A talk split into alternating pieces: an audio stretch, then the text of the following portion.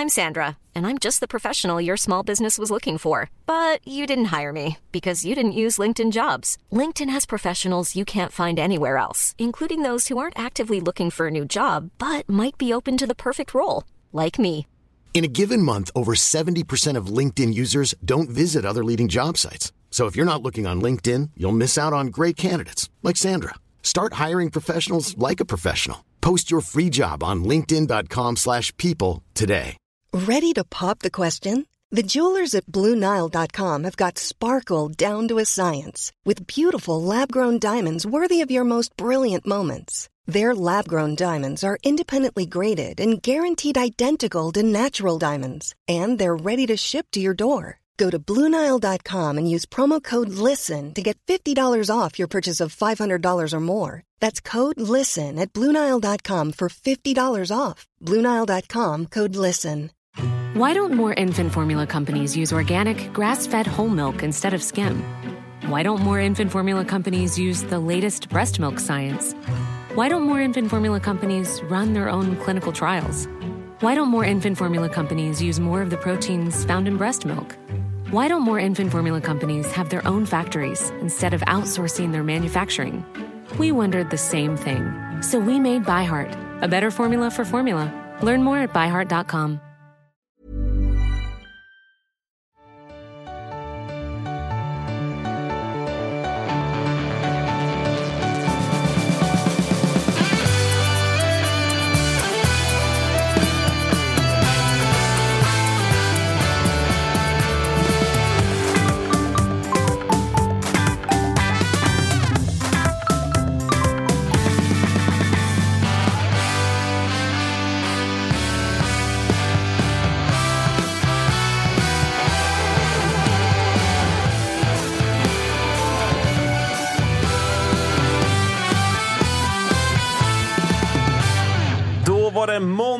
igen och ett nytt avsnitt av Toto-svenskan. Väldigt hög ljudvolym i våra lurar. Det kan jag säga direkt. Att det var Ja, man Det är vaknade Wilbur som till. har suttit där. Ja, det är Wilbur som hör dåligt, den gamla mannen. Eh, så är det.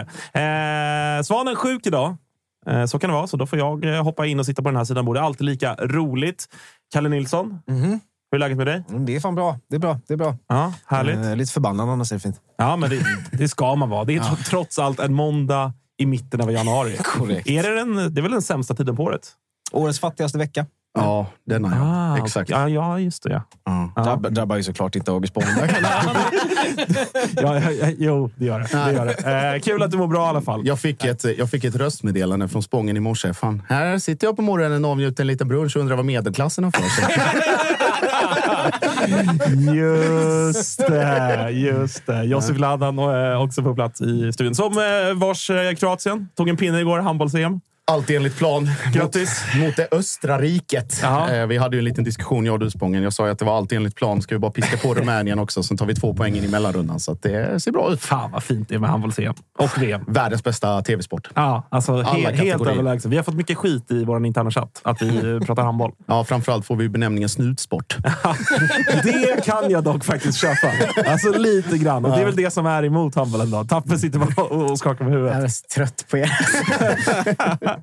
Eh, Annars är det bra. Ja, annars är det bra med dig också. Eh, vi ska inte prata jättemycket Norrköping den här veckan heller. Du, Nej, men jag har ju det som eh, liksom stående önskemål. Inte så mycket Peking än. nej, och det händer ju inte jättemycket kring eh, Peking. Lite lösa rykten. Så här. Vi, ska, vi ska ta det Men, också. eh, Jag börjar undra om eh, 2023 tar ut sin rätt nu. För det känns som Svanemar ofta är sjukskriven och sådär. Eh, Ja, Kan det vara förra säsongens liksom härd som börjar eh, ta, ta ut det på den gamle mannen? ja, eventuellt. Och jag råkar ju veta att det är, eh, det är kämpigt där hemma ute i Sollentuna eh, den här veckan. Så att han då dessutom har blivit sjuk gör det inte lättare. Eh, Nej. Så att våra tankar är med honom. Eh, Så, så är det. Eh, Dessutom en debutant i studion. Kristoffer håller på Västerås Sportklubb. Exakt. Välkommen till eh, Totosvenskan. Tack snälla. Stort att få vara här. Ja, du, eh, du, du känner Svanemar lite grann sen innan, för, för kontext. Ja, men exakt. Vi har jobbat tillsammans när han gjorde kombinerade innebandylivet med kroglivet. Hur, eh, Det känns som ett annat liv. ja, hur, hur, hur var det för honom och för dig och för- liksom för alla berörda parter? Ja, men det var väl bra. Han var ju typ barnkalasansvarig på en bo- bowlingrestaurang. Han, han kommer ångra att han släppte in mig. Vänta, vänta, vänta, vänta, vänta. Svanmar jobbade som barnkalasansvarig Nej. på en bowlingrestaurang. Nej, det gjorde han inte. Han jobbade med eh, aktiviteter på en eh, aktivitetsrestaurang. Där var det bland annat barnkalas ibland och då är han eh, lekfarbror med. Alltså, han, han, Aktivitetsstöd. Han känns inte som en så bra lekfarbror. farbror. Det är Det mycket. Det var svordomar ett och aggressiv Liksom. Det var, ton. Ja, har ju ändå två barn. Får man ändå, får man ändå föra till protokollet här. Så att, eh, någon form av lekerfarenhet. Mm, ja, ja, men nu. Men jag har sett eh, honom på den tiden. Det var mycket twittrande och tuffa intervjuer och sådär. Så jag hade inte velat ha honom på mitt barnkalas när han var innebandy i Svanen. Alltså. Det, det, det kanske finns en poäng i det. Eh, Så, så kan det vara. Men, men som sagt, kul att ha det här. Vi ska prata lite, lite VSK också. Vi ska dessutom om eh, tio minuter ungefär ringa Mikael Hjelmberg och prata lite Bayern. Eh, ska vi göra. Ta lite temp på vad som händer i Hammarby. är ju också igång nu som de allra flesta lagen. Det är väl inget lag som, som eh, inte har börjat träna nu. Eh, innan det, tänk, jag hade tänkt min plan var att jag skulle knyta an till, till det jag gjorde i höstas när jag hade med mig eh, diverse mat och dryck in till studion. Eller mat och dryck, jag hade glass med mig. Hade tänkt ha med mig lite jordgubbar idag. Men eh, tidspressen gjorde att jag hann inte köpa det. Men Ska vet- vi riva av det här plåstret? Men eller? vet du vad? Nej, hade du det? Nej. Nej. Det här, det här är alltså inte planerat. Grattis Spången! Tack så mycket. Ett, ehm, ja, 250 gram. Spanska kanske? Nej, men ursprungsland. Spanien. Öppn, jag öppnar här Ja. och hugger i. Eh, det, det var en, alltså Ska det, tvätta dem kanske in. Ja, faktiskt. Vi, sköljer av dem. Vi, tar det där sen. Men det var en... Var det i fredags va, det kom? Eh, det är måndag. Ja, jag tror att det var i fredags. fredag kväll. lördag Ja. va? Ja, lördag kanske det var. Ja, okej, okej. I helgen i alla fall. Eh, jag har nog aldrig, alltså utan att jag själv har varit liksom, eh, anledningen till det, att man har börjat att skriva någon liksom, lite halvsyrlig tweet eller sådär. Aldrig blivit, blivit liksom bara öppet pingad så många gånger som jag blev när det här, när det här kom ut. Jag stod för kanske två av dem. Ja, det gjorde du. Eh, Och det var, ju- det var ju någon aik som också som pingade in mig där. Det blev det liksom den längsta fortsättningen, längsta tråden på det. Det kom in tio pers eller något sånt där.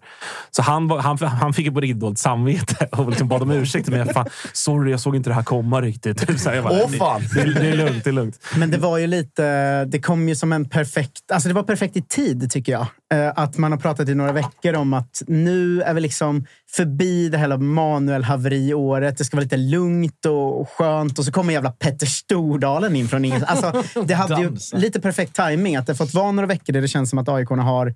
Vi har fått in lite bra nyförvärv. Det ser lite bättre ut. Vi har lite försäljningar på gång.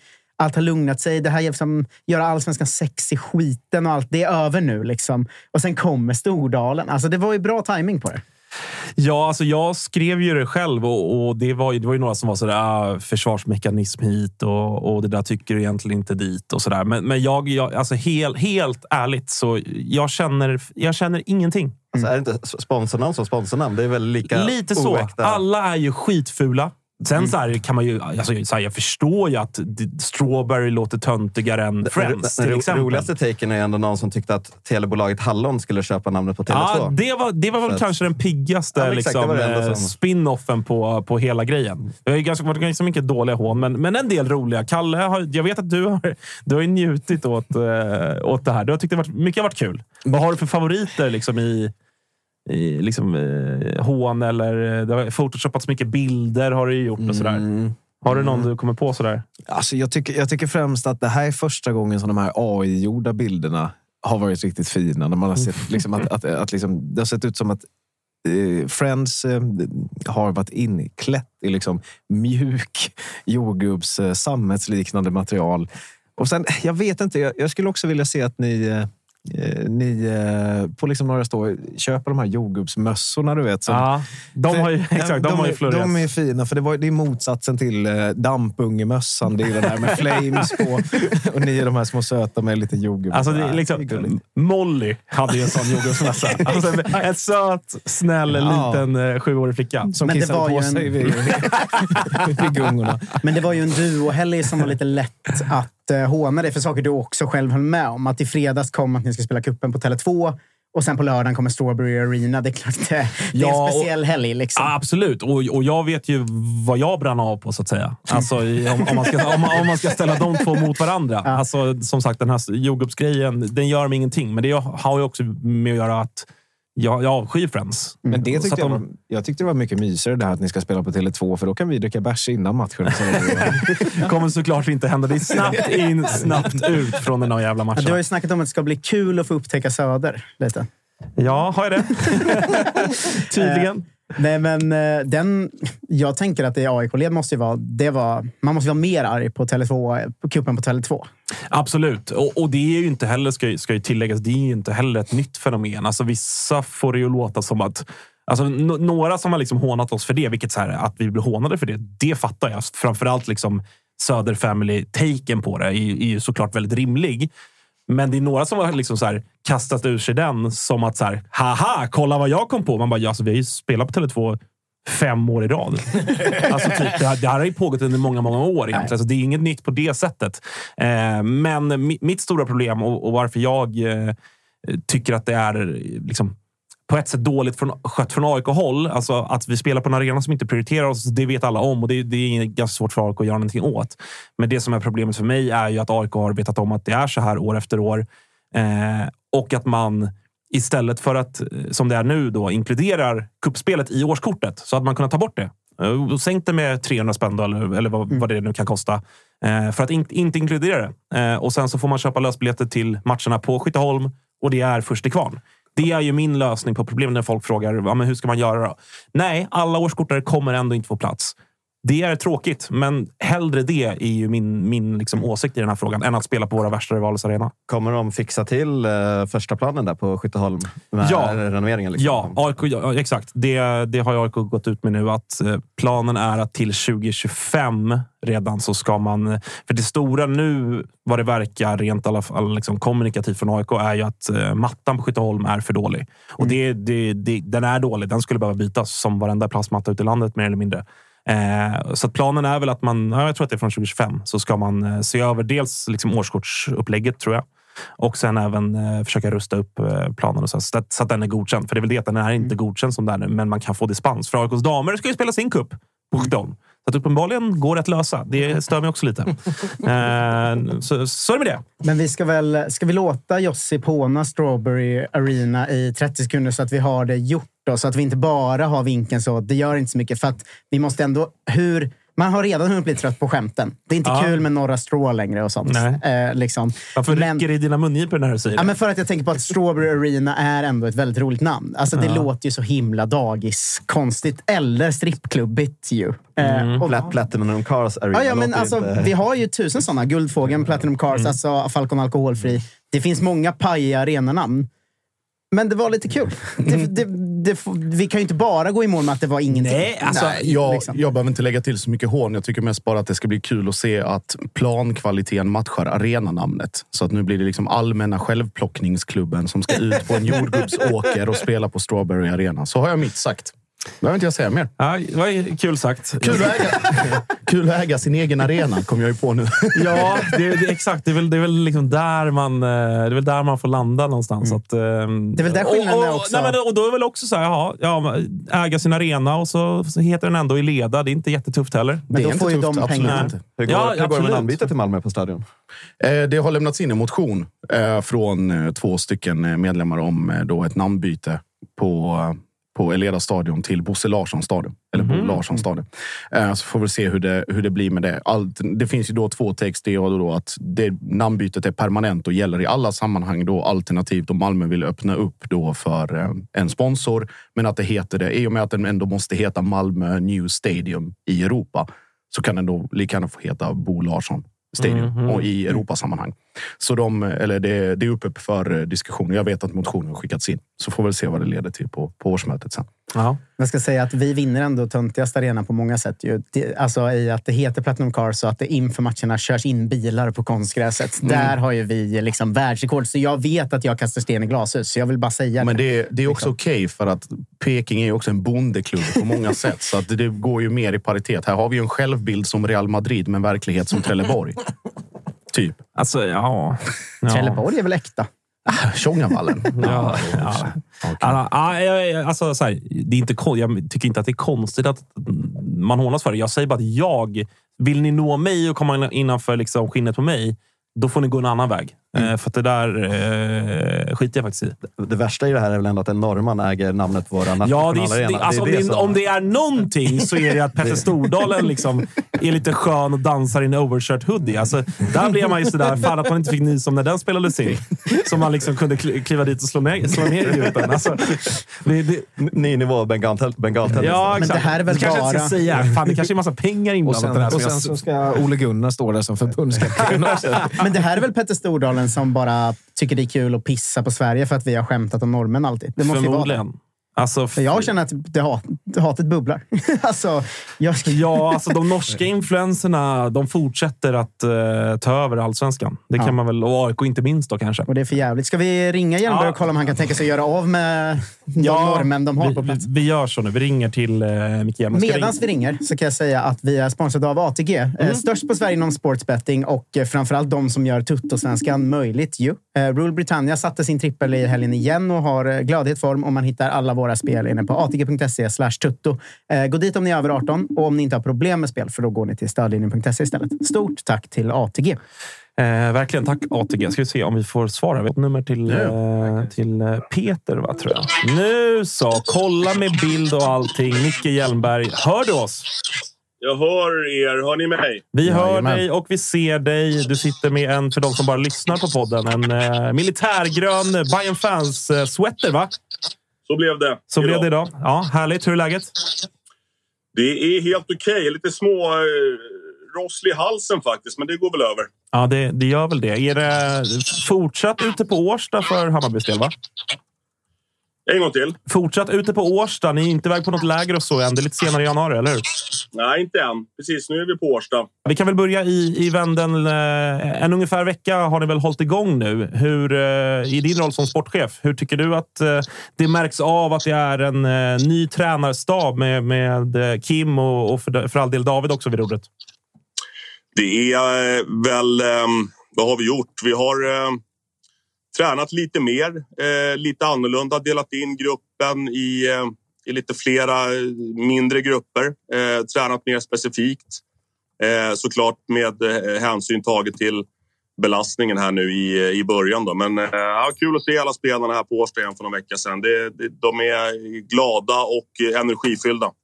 Det, det, som, du, som du är inne på, just träningsmängd och intensitet. Det har, ja, men du har pratat om det och, och liksom, det går ju lite åt den, den trenden i, i många lag. Hur liksom, I Hammarbys fall, hur ter det sig i praktiken? Är det liksom i minuter och timmar man pratar om ökad träningsmängd eller är det snarare i sättet man tränar? Eh, både och skulle jag säga. Eh, men absolut i minuter och timmar att vi tillbringar eh, mera tid på, på fotbollsplanen. Men också lite grann tror jag i, i liksom innehållet i träningen. Att man tränar, man tränar intensivare.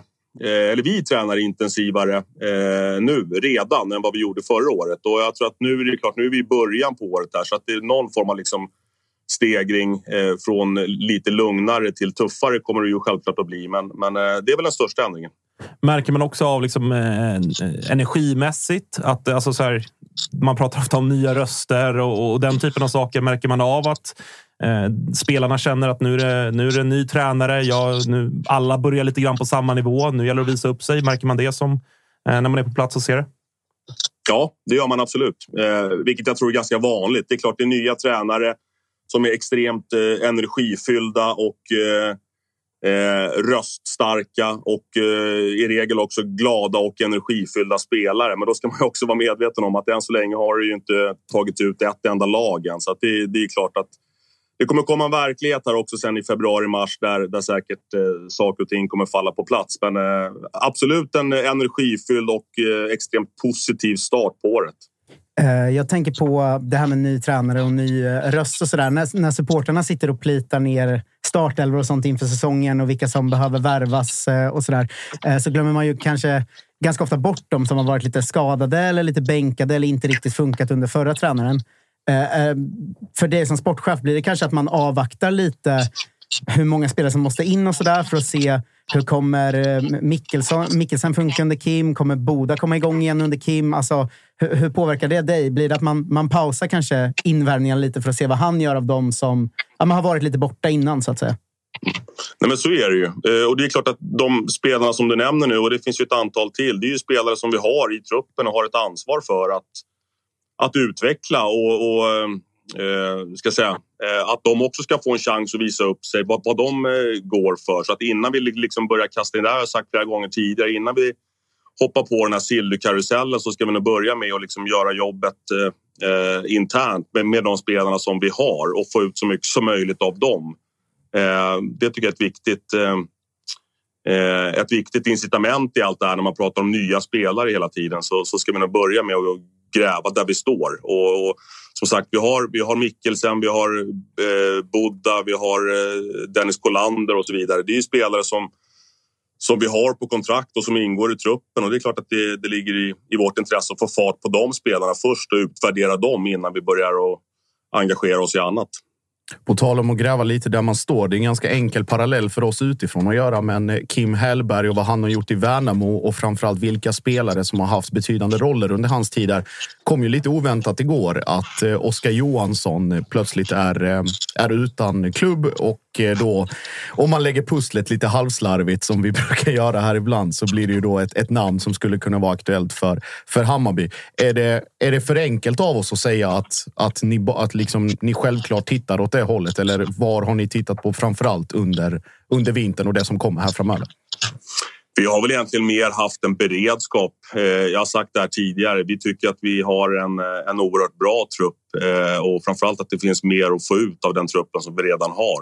Sen har vi självklart en beredskap på eh, vad som skulle kunna hända om vi skulle tappa spelare och vad vi i så fall behöver ersätta med. Men jag vill nog gärna ha så lite rörelse som möjligt i det här fönstret och kontinuitet är viktigt för oss. Mm. Vi såg ju eh, i, i fjol, då, inte minst, eh, många liksom för den breda allsvenska publiken, nya spelare från HTFF som säkert den, den liksom inbitne bajaren kanske hade koll på sen innan. Men eh, har ju skett lite där också, eh, även, även i år, att det flyttas upp spelare och så. Är det något namn där du vill eh, lyfta lite extra som du tror att eh, alla Hammarbyare för den delen, men även alla vi som följer allsvenskan i stort kommer få upp ögonen för? Det finns ju flera intressanta och bra spelare där. Um, Kingsley och Dennis Gyll har ju som sagt flyttats upp uh, redan. Mm. Men, uh, och sen har vi flyttat upp fyra, fyra spelare från, uh, från U19. Um, ehm, vi har ju spelare som Elias Mohammed. Eh, vi har tagit in Elton Hedström, ny forward från ska säga, Skellefteå tror jag. Va? Eh, Nobel finns det mer att hämta av. Eh, Nicolas Ablido har vi förlängt lånet på från, eh, från Ghana. Eh, Isak Boral. Eh, det finns många eh, spelare från, eh, eller i, i, i HTF som jag tror kommer få en eh, ännu bättre utveckling i år. Kingsley eh, är en spelare som jag eh, hajar till på, liksom givet den historiken som finns i Hammarby med, med unga afrikanska mittbackar. Alltså, eh, Odilon såklart. Ajay finns där här och nu. Vad, liksom, eh, vad kan du säga om Kingsley som, som spelare och som karaktär? För mig så var väl han kanske division 1 bästa mittback eh, förra året. Har ju också haft en otroligt fin utveckling, framförallt i spelet med boll. Eh, där han kanske hade en del brister i början. Defensivt är han ju oerhört bra både i dueller, eh, huvudspel, han är snabb, han är stark. Han har en, han har en defensiv instinkt som jag upplever liksom svår, Det är svårt att lära någon det. Utan antingen har man det eller så har man det inte. Han är överjävlig på att liksom blocka skott och alltid vara i vägen. Så att, nej, han, han tror jag mycket på. Eh, men eh, nej, eller det var jag som nämnde honom. Men Ajay då, det är ju en spelare som du ändå, liksom, för att hoppa på lite grann då, Silly-karusellen. Eh, men, men det är en spelare som det i alla fall i media har skrivits om att det finns intresse och sådär. Vad, vad, vad är status där och hur, hur ser intresset ut kring Ajay och vad är er plan där? Statusen är väl att det absolut finns ett intresse på Adjei. Eh, vår ambition är att han ska förbli en Hammarby-spelare. Ehm, det är väl där vi är och än så länge så har det inte kommit några bud som vi har varit särskilt intresserade av att acceptera.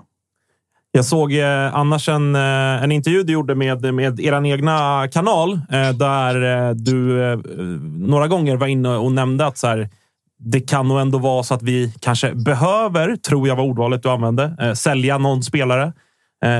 jag fastnade lite för det. Är det liksom av ekonomiska skäl, någonting som styrelsen har, har liksom gett i uppdrag att eh, ekonomin ser ut så här. Vi skulle nog må bra av i alla fall en försäljning eller vad, liksom, vad kommer det ifrån? Nej, men det, det, är väl en kombination. Vi skulle absolut eh, må bra av att, eh, att sälja för, för, för eh, ekonomins skull. Eh, absolut inget måste att vi liksom sitter, eh, sitter helt fel på det. Eh, och sen har det lite grann också med balansen i truppen att göra. Kanske i synnerhet på, på, på mittbacksidan då, där vi i dagsläget har eh, fem stycken eh, oerhört bra eh, och kontrakterade mittbackar. Så att där har vi där har vi mer än fullgod täckning Eh, så det är klart att om, om rätt bud skulle komma på rätt spelare så, så kommer vi nog vara öppna för att diskutera det. Då gissar jag att eh, Edvin Kurtulus är en annan som, eh, som det finns lite intresse för kanske? Det har det gjort, absolut. Eh, det har funnits ett ganska stort intresse skulle jag säga, både på Edvin och på Adjei i, i första hand. Då, då. Sen finns det intressen på en massa andra spelare också, men det är ju andra, i andra positioner. Eh, och det har väl kanske lite grann med det att göra då, att om vi väljer att släppa iväg någon annanstans så eh, kommer vi behöva ersätta. Eh, en av de spelarna, kan ju, eller det vet vi ju alla, det är ju Viktor Djukanovic eh, som, som gjorde en otrolig säsong förra året och som, man, eh, eller som folk som bajare hoppas ska göra det ännu bättre i år. Och det har ju varit prat om allt från 5-6 miljoner euro och bud från diverse olika klubbar och så där. Och där, som man har förstått det så har ni varit väldigt hårda med, eller med Viktors kontraktssituation. Att ska det vara så ska det vara för väldigt mycket pengar. Eh, och inte förrän då så är vi beredda att lyssna på någonting. Vad har ni för förhoppningar och tankar kring, kring Viktor i år? Eh, nej men att han kommer att utvecklas, att det är en oerhört bra spelare och att det finns, eh, finns mer att hämta av, av honom ändå. Eh, och sen är det exakt som du säger att om det är så att det är klubbar som vill som vill eh, köpa loss honom då, eh, då ska det vara en, bli en väldigt bra affär för, för Hammarby. Men jag, jag ser helst att Viktor är, är kvar och levererar mer på, på, på eller bidrar på planen.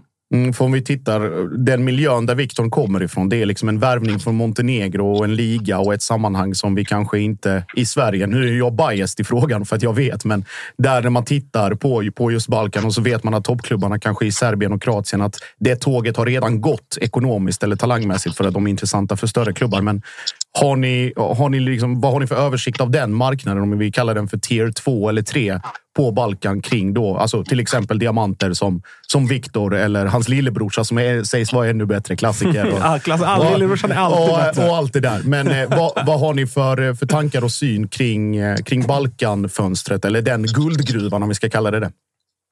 Ja, men det är väl absolut en guldgruva. Eh, som egentligen alla andra marknader skulle jag säga. Så ska man, ska man göra jobbet där så behöver man nog vara på, på, på plats och scouta. Eh, och sen är det alltid, det är alltid konkurrens om, om, bra, om bra spelare. Eh, det är som du säger, det är väl den geografiska närheten till kanske framförallt Italien och så vidare har väl varit, eh, har väl varit bra eh, för, för många av, av klubbarna på Balkan.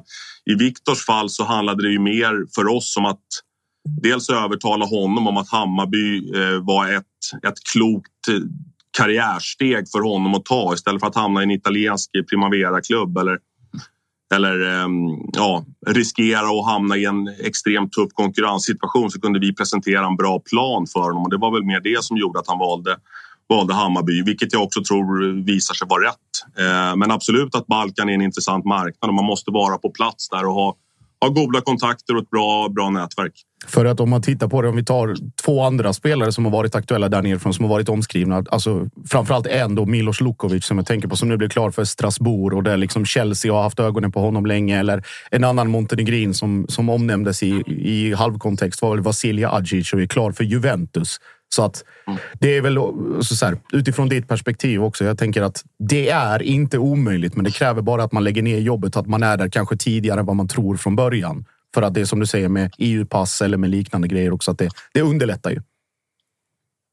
Helt rätt. Helt rätt. Och jag tror att om, om, man ska vara, om man ska vara stark på en viss marknad så måste man vara på plats och göra jobbet på plats. Eh, det handlar mycket om, om relationer och nätverk och kontakter också. Mm. En annan spelare som ju, eh, ja, det har väl lugnat sig lite där nu kanske skriverimässigt, men, men som var liksom hela hösten och vinterns eh, namn var Yusuf Erabi som, eh, som till slut förlängde, vilket eh, i alla fall förvånade mig lite grann. Har du märkt av i din roll liksom att för att jag menar, många Hammarbyare var ju oroliga då att oj, vi kommer nog kanske inte få så mycket betalt som vi, som vi liksom egentligen borde, givet hans dåvarande kontraktssituation. Nu har man fått till en förlängning. Märker du av liksom intresset att det kanske liksom, inte minskar, men att folk är så här, ah, okej, nu kommer Bayern kunna kräva mycket mer. Har det liksom påverkat eh, eventuella intressenter kring Erabi? Jag måste faktiskt säga att det har lugnat ner sig eh, ganska mycket kring Josefs efter kontraktsförlängningen. Mm. Eh, så det är ju så, såklart skönt eh, så att han kan få ha fokus på och förbereda sig väl inför säsongen här sen. Men, men det är klart att om, om Josef fortsätter att göra det bra här under försäsongen och kuppen och, och, och allsvenskan så, så skulle jag bli oerhört förvånad om det inte kommer att komma in större intresse på honom under sommaren. Vad är den fysiska statusen på honom? Han har stått och vräkt in mål här i avslutsövningarna. Alltså. han är nog inte inne i full träningen, men han är, han är absolut eh, med i delar av träningen i fotbollsskor. Så att jag tror att till lägret här den 22 eh, januari när vi sticker iväg så är nog planen att han ska kunna delta fullt ut. Vi ska snart släppa, släppa silly season tänkte jag, men ett sista namn som jag ändå eh, känner att jag måste bolla mot är ju en, en spelare som fångades på bild när han besökte Årsta i form av Halmstads Kasper Karlsson. Vad, vad kan du säga om, om honom och om ert eventuella intresse där? Nej, men att det är en, att det är en ung, bra spelare eh, som sitter på ett utgående kontrakt med Halmstad. Eh, passar väl in ganska bra i, i liksom den, den profilen som vi tittar på nu, eh, bara gäller spelare. Eh, inte mer än så egentligen. en annan grej som jag tänkte på när jag såg den här intervjun du gjorde med eh, er egna kanal eh, var att eh, du pratade lite grann om identitet och, och spelsätt och, och, och liksom hur, hur Kim ska utforma det här Hammarby jämfört med vad man kanske fick se under ja, åtminstone det sista halvåret med Marti där det var ganska riskminimerande och, och vi såg ett 3-5-2, vilket kändes ovant när man, när man kollar på Hammarby. Eh, liksom, kan du utveckla vad, vad tror du eller vad, vad, vad tänker du utifrån eh, den, den tränare ni har nu och det material ni har? Vad är det för typ av Hammarby vi kommer få se 2024? Eh, ni kommer att få se ett mera fartfyllt eh, Hammarby som eh, attackerar, eh, spelar framåt i mycket större utsträckning. Och vad, vad innebär, innebär det? Då? Ska ni göra fler mål eller vad liksom? Ja, det vill nog alla. Nej, men generellt sett, alltså, det som du är inne på. Vi har ju gått ifrån en ganska ska säga, possession-styrd fotboll där, där, där tålamod och, och ska säga, risk, eh, riskminimering har varit har varit ganska stora inslag. Eh, tålamod, bollinnehav, eh, börja om, vara rädd om bollen och så vidare. Tanken nu är väl att det ska bli lite mer eh, frejdiga, spela lite mer framåt. Eh, kan man vända upp så vänder man upp. Kan man driva bollen framåt så driver man bollen framåt. Att vi, att vi spelar mera, mera fartfyllt och mer i anfallsriktningen. Det ska svänga om Bayern igen helt enkelt. ah, det vet jag inte om det ja, Det får gärna svänga framåt. det ska ja. gå jävligt rakt framåt om Bayern. Ehm, jag tänker på det här, vi pratar ganska mycket om det med nya tränare, eh, sätta spelsätt versus eh, tid. Nu kommer Kim in och eh, man ska sätta ett nytt spelsätt, men har ni redan nu någon slags konkreta mål med hur, hur bra ni ska hamna i år och vart Ligger ni sjua efter halva säsongen? Hur mycket tålamod har man egentligen med en ny tränare och allt det där? Det skulle vara kul att höra dig resonera lite kring eh, det eftersom vi undrar alltid hur, hur klubbar ser på det där. För det är lätt att säga att man ska ha tålamod, men det är svårt att ha tålamod alltid. Ja, nej men så är det väl. Och det är klart, nu är Kim och David nya här och vi har pratat om att sätta ett nytt spelsätt, men också att sätta ny träningskultur. Eh, här på Årsta, det vill säga då att träna som vi har pratat om tidigare, att träna, att träna mer, att träna hårdare eh, och de, de effekterna som det kommer att ge oss i, i positiv riktning. Resultatmässigt så har vi, eh, det är klart nu är vi fortfarande inne i januari och fönstret stänger i, i slutet på mars. Eh, allsvenskan börjar väl där också så att, eh, men vi har, vi har tidigare kommunicerat att vår resultatmässiga målsättning ska vara att, eh, att eh, ja, vara med och fighta som topp tre-platserna. Micke, jag tänker på en annan förändring som också är liksom post Marti Cifuentes säger då den här öppenheten kring träningen och att det är mer tillgängligt för supportrar att komma och kolla på den dagliga verksamheten. Hur, eh, hur har ni resonerat där och hur har ni kommit fram till att, att det här är rätt väg att gå för Bayern eh, från och med nu?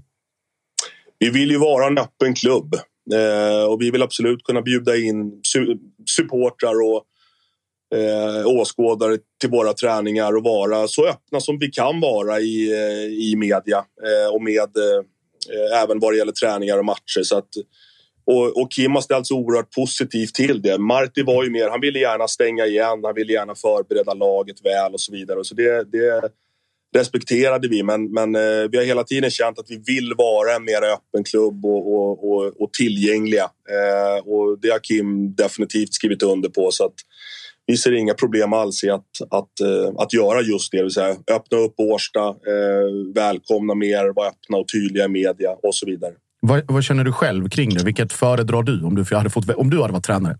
Ja, ja, om jag hade varit tränare, ja. Jag, jag tror att den här öppenheten och den, den eh, eh, ska säga, att kunna vara öppen med supportrarna och liksom inbjudande. Eh, jag tror att du har mer att vinna på det än att, än att stänga igen. Eh, faktiskt. Jag har svårt att se att eh, det ska stå motståndartränare och liksom scouta här i skogarna och, och, att det ska ha någon, ha någon effekt på liksom den enskilda matchen eller eh, så här gör Hammarby och så vidare. Jag, jag, tror mycket mer på att bjuda in och liksom öppna upp. Jag tror att det är en bättre väg att, att gå, i synnerhet i en klubb som Hammarby. Ja, på tal om det, alltså jag tycker det där är intressant. När det kommer en tränare som i, i Kims fall då, från Norrköping och så har du med dina, dina rötter i Stockholm och kan Bayern och Bayern har sin identitet och sina supportrar som liksom har sina identiteter och så vidare. Hur mycket, liksom, hur mycket har du pratat med Kim? För jag, jag liksom skrattade lite åt det när, när han presenterades och det var liksom bilder tidigt ute på Twitter när han står och liksom, med en bärs på en krog på Söder. Med, alltså, man kände så här, det, det är ju jättebra. Alltså, det, du kan inte göra en bättre liksom, eh, start i, i en klubb som Hammarby såklart. Men pratar man liksom, eh, som sportchef då med honom, så här, tips om tänk på det här. Och då tänker jag inte på liksom, fotbollsmässiga saker. Utan det är sånt, bra om det fastnar på bild vid en systemet på Södermalm. Ja, men alltså, det finns en sån klassisk bild på Billboard väl, när, han, när han är liksom med, med bolagskassar utanför. Alltså, och det är ju älskvärt. Vi älskar det och, och såklart att Hammarbyarna älskar det. Pratar man om liksom den typen av saker? Det gör man. Ja. Absolut. Vad har du gett för ehm, tips? dels med eh, Kim är ju klok och han var ju påläst också så han har ju också hängt med i den här eh, diskussionen kring öppna eller stängda träningar. Det var väl bland det liksom första vi pratade om här nu att öppna upp. Var, var lite smart här nu i början. Öppna upp allting och liksom bjud in och var välkomnande. Och det, som sagt, det skrev han under helt på. Sen blev, var det mer en tillfällighet att samma dag som man skulle skriva på så hade ju supportrarnas matchprogram tror jag att det var. De hade någon, någon releasefest där nere på Kvarnen. Det passade ju perfekt och då smiter vi ner dit och, och visar upp oss. Det, det blir en bra start och det blev det också. Det var väldigt uppskattat.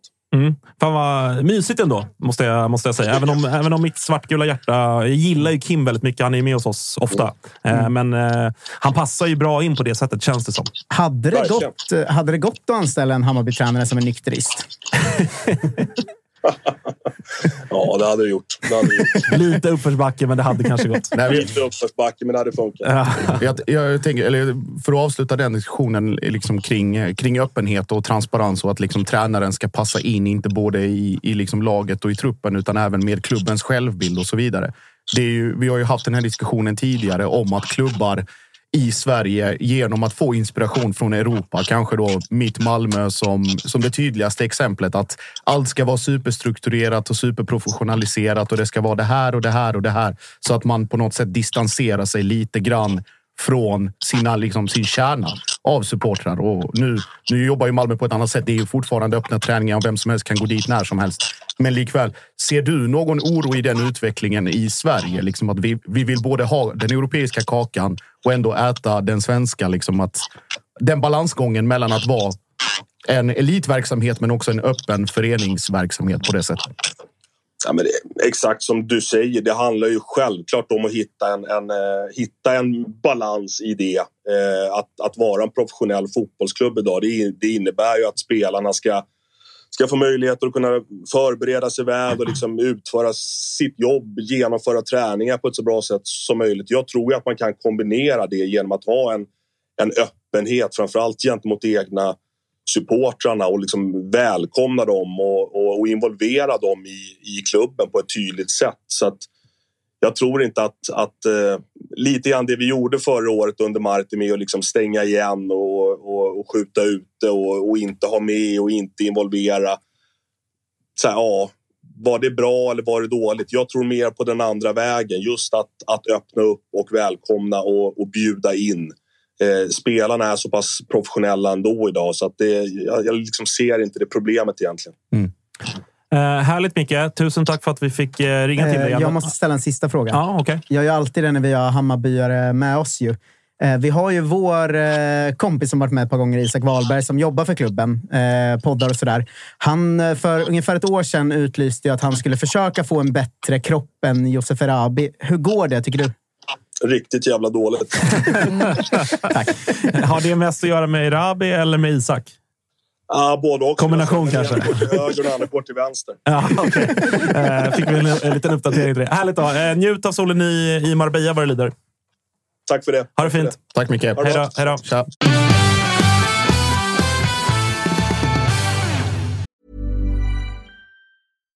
Hi, I'm Daniel, founder of Pretty Litter. Cats and cat owners deserve better than any old-fashioned litter. That's why I teamed up with scientists and veterinarians to create Pretty Litter. Its innovative crystal formula has superior odor control and weighs up to 80% less than clay litter.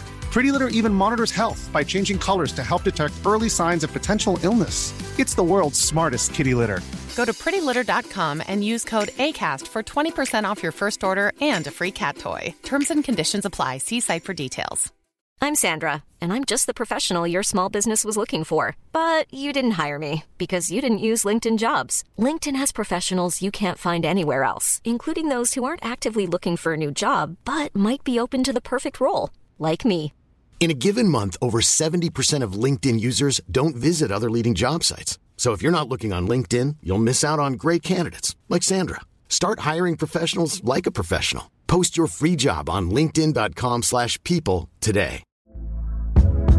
Hey there, it's Michelle Norris. I'm host of a podcast called Your Mama's Kitchen. When I travel, I'm usually looking for a way to find a taste of home when I'm not at home. And one of the things I love to do when I am at home is entertain. And Airbnb allows me to do that. When I was in California recently, I rented a house that had a great kitchen. And when we were sitting around the table, we we're all thinking, we're in someone else's house. Someone could be in all of our homes as well.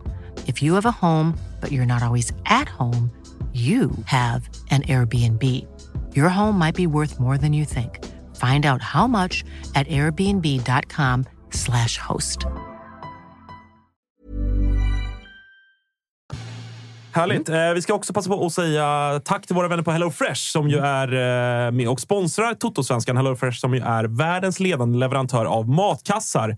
Slipper man stå och stångas och stressa i matbutiker och fundera vad ska man laga ikväll. Utan kan man gå in på hellofresh.se istället, välja bland alla de hundratals recept som finns där. Jag beställde kassa igår. Ja, är det så? Ja, vad, eh, vad blev det? det? Jag tog någon sån familjekassa, så fick man ju välja bland 33 olika Mm. stycken. Så fick man välja fem stycken.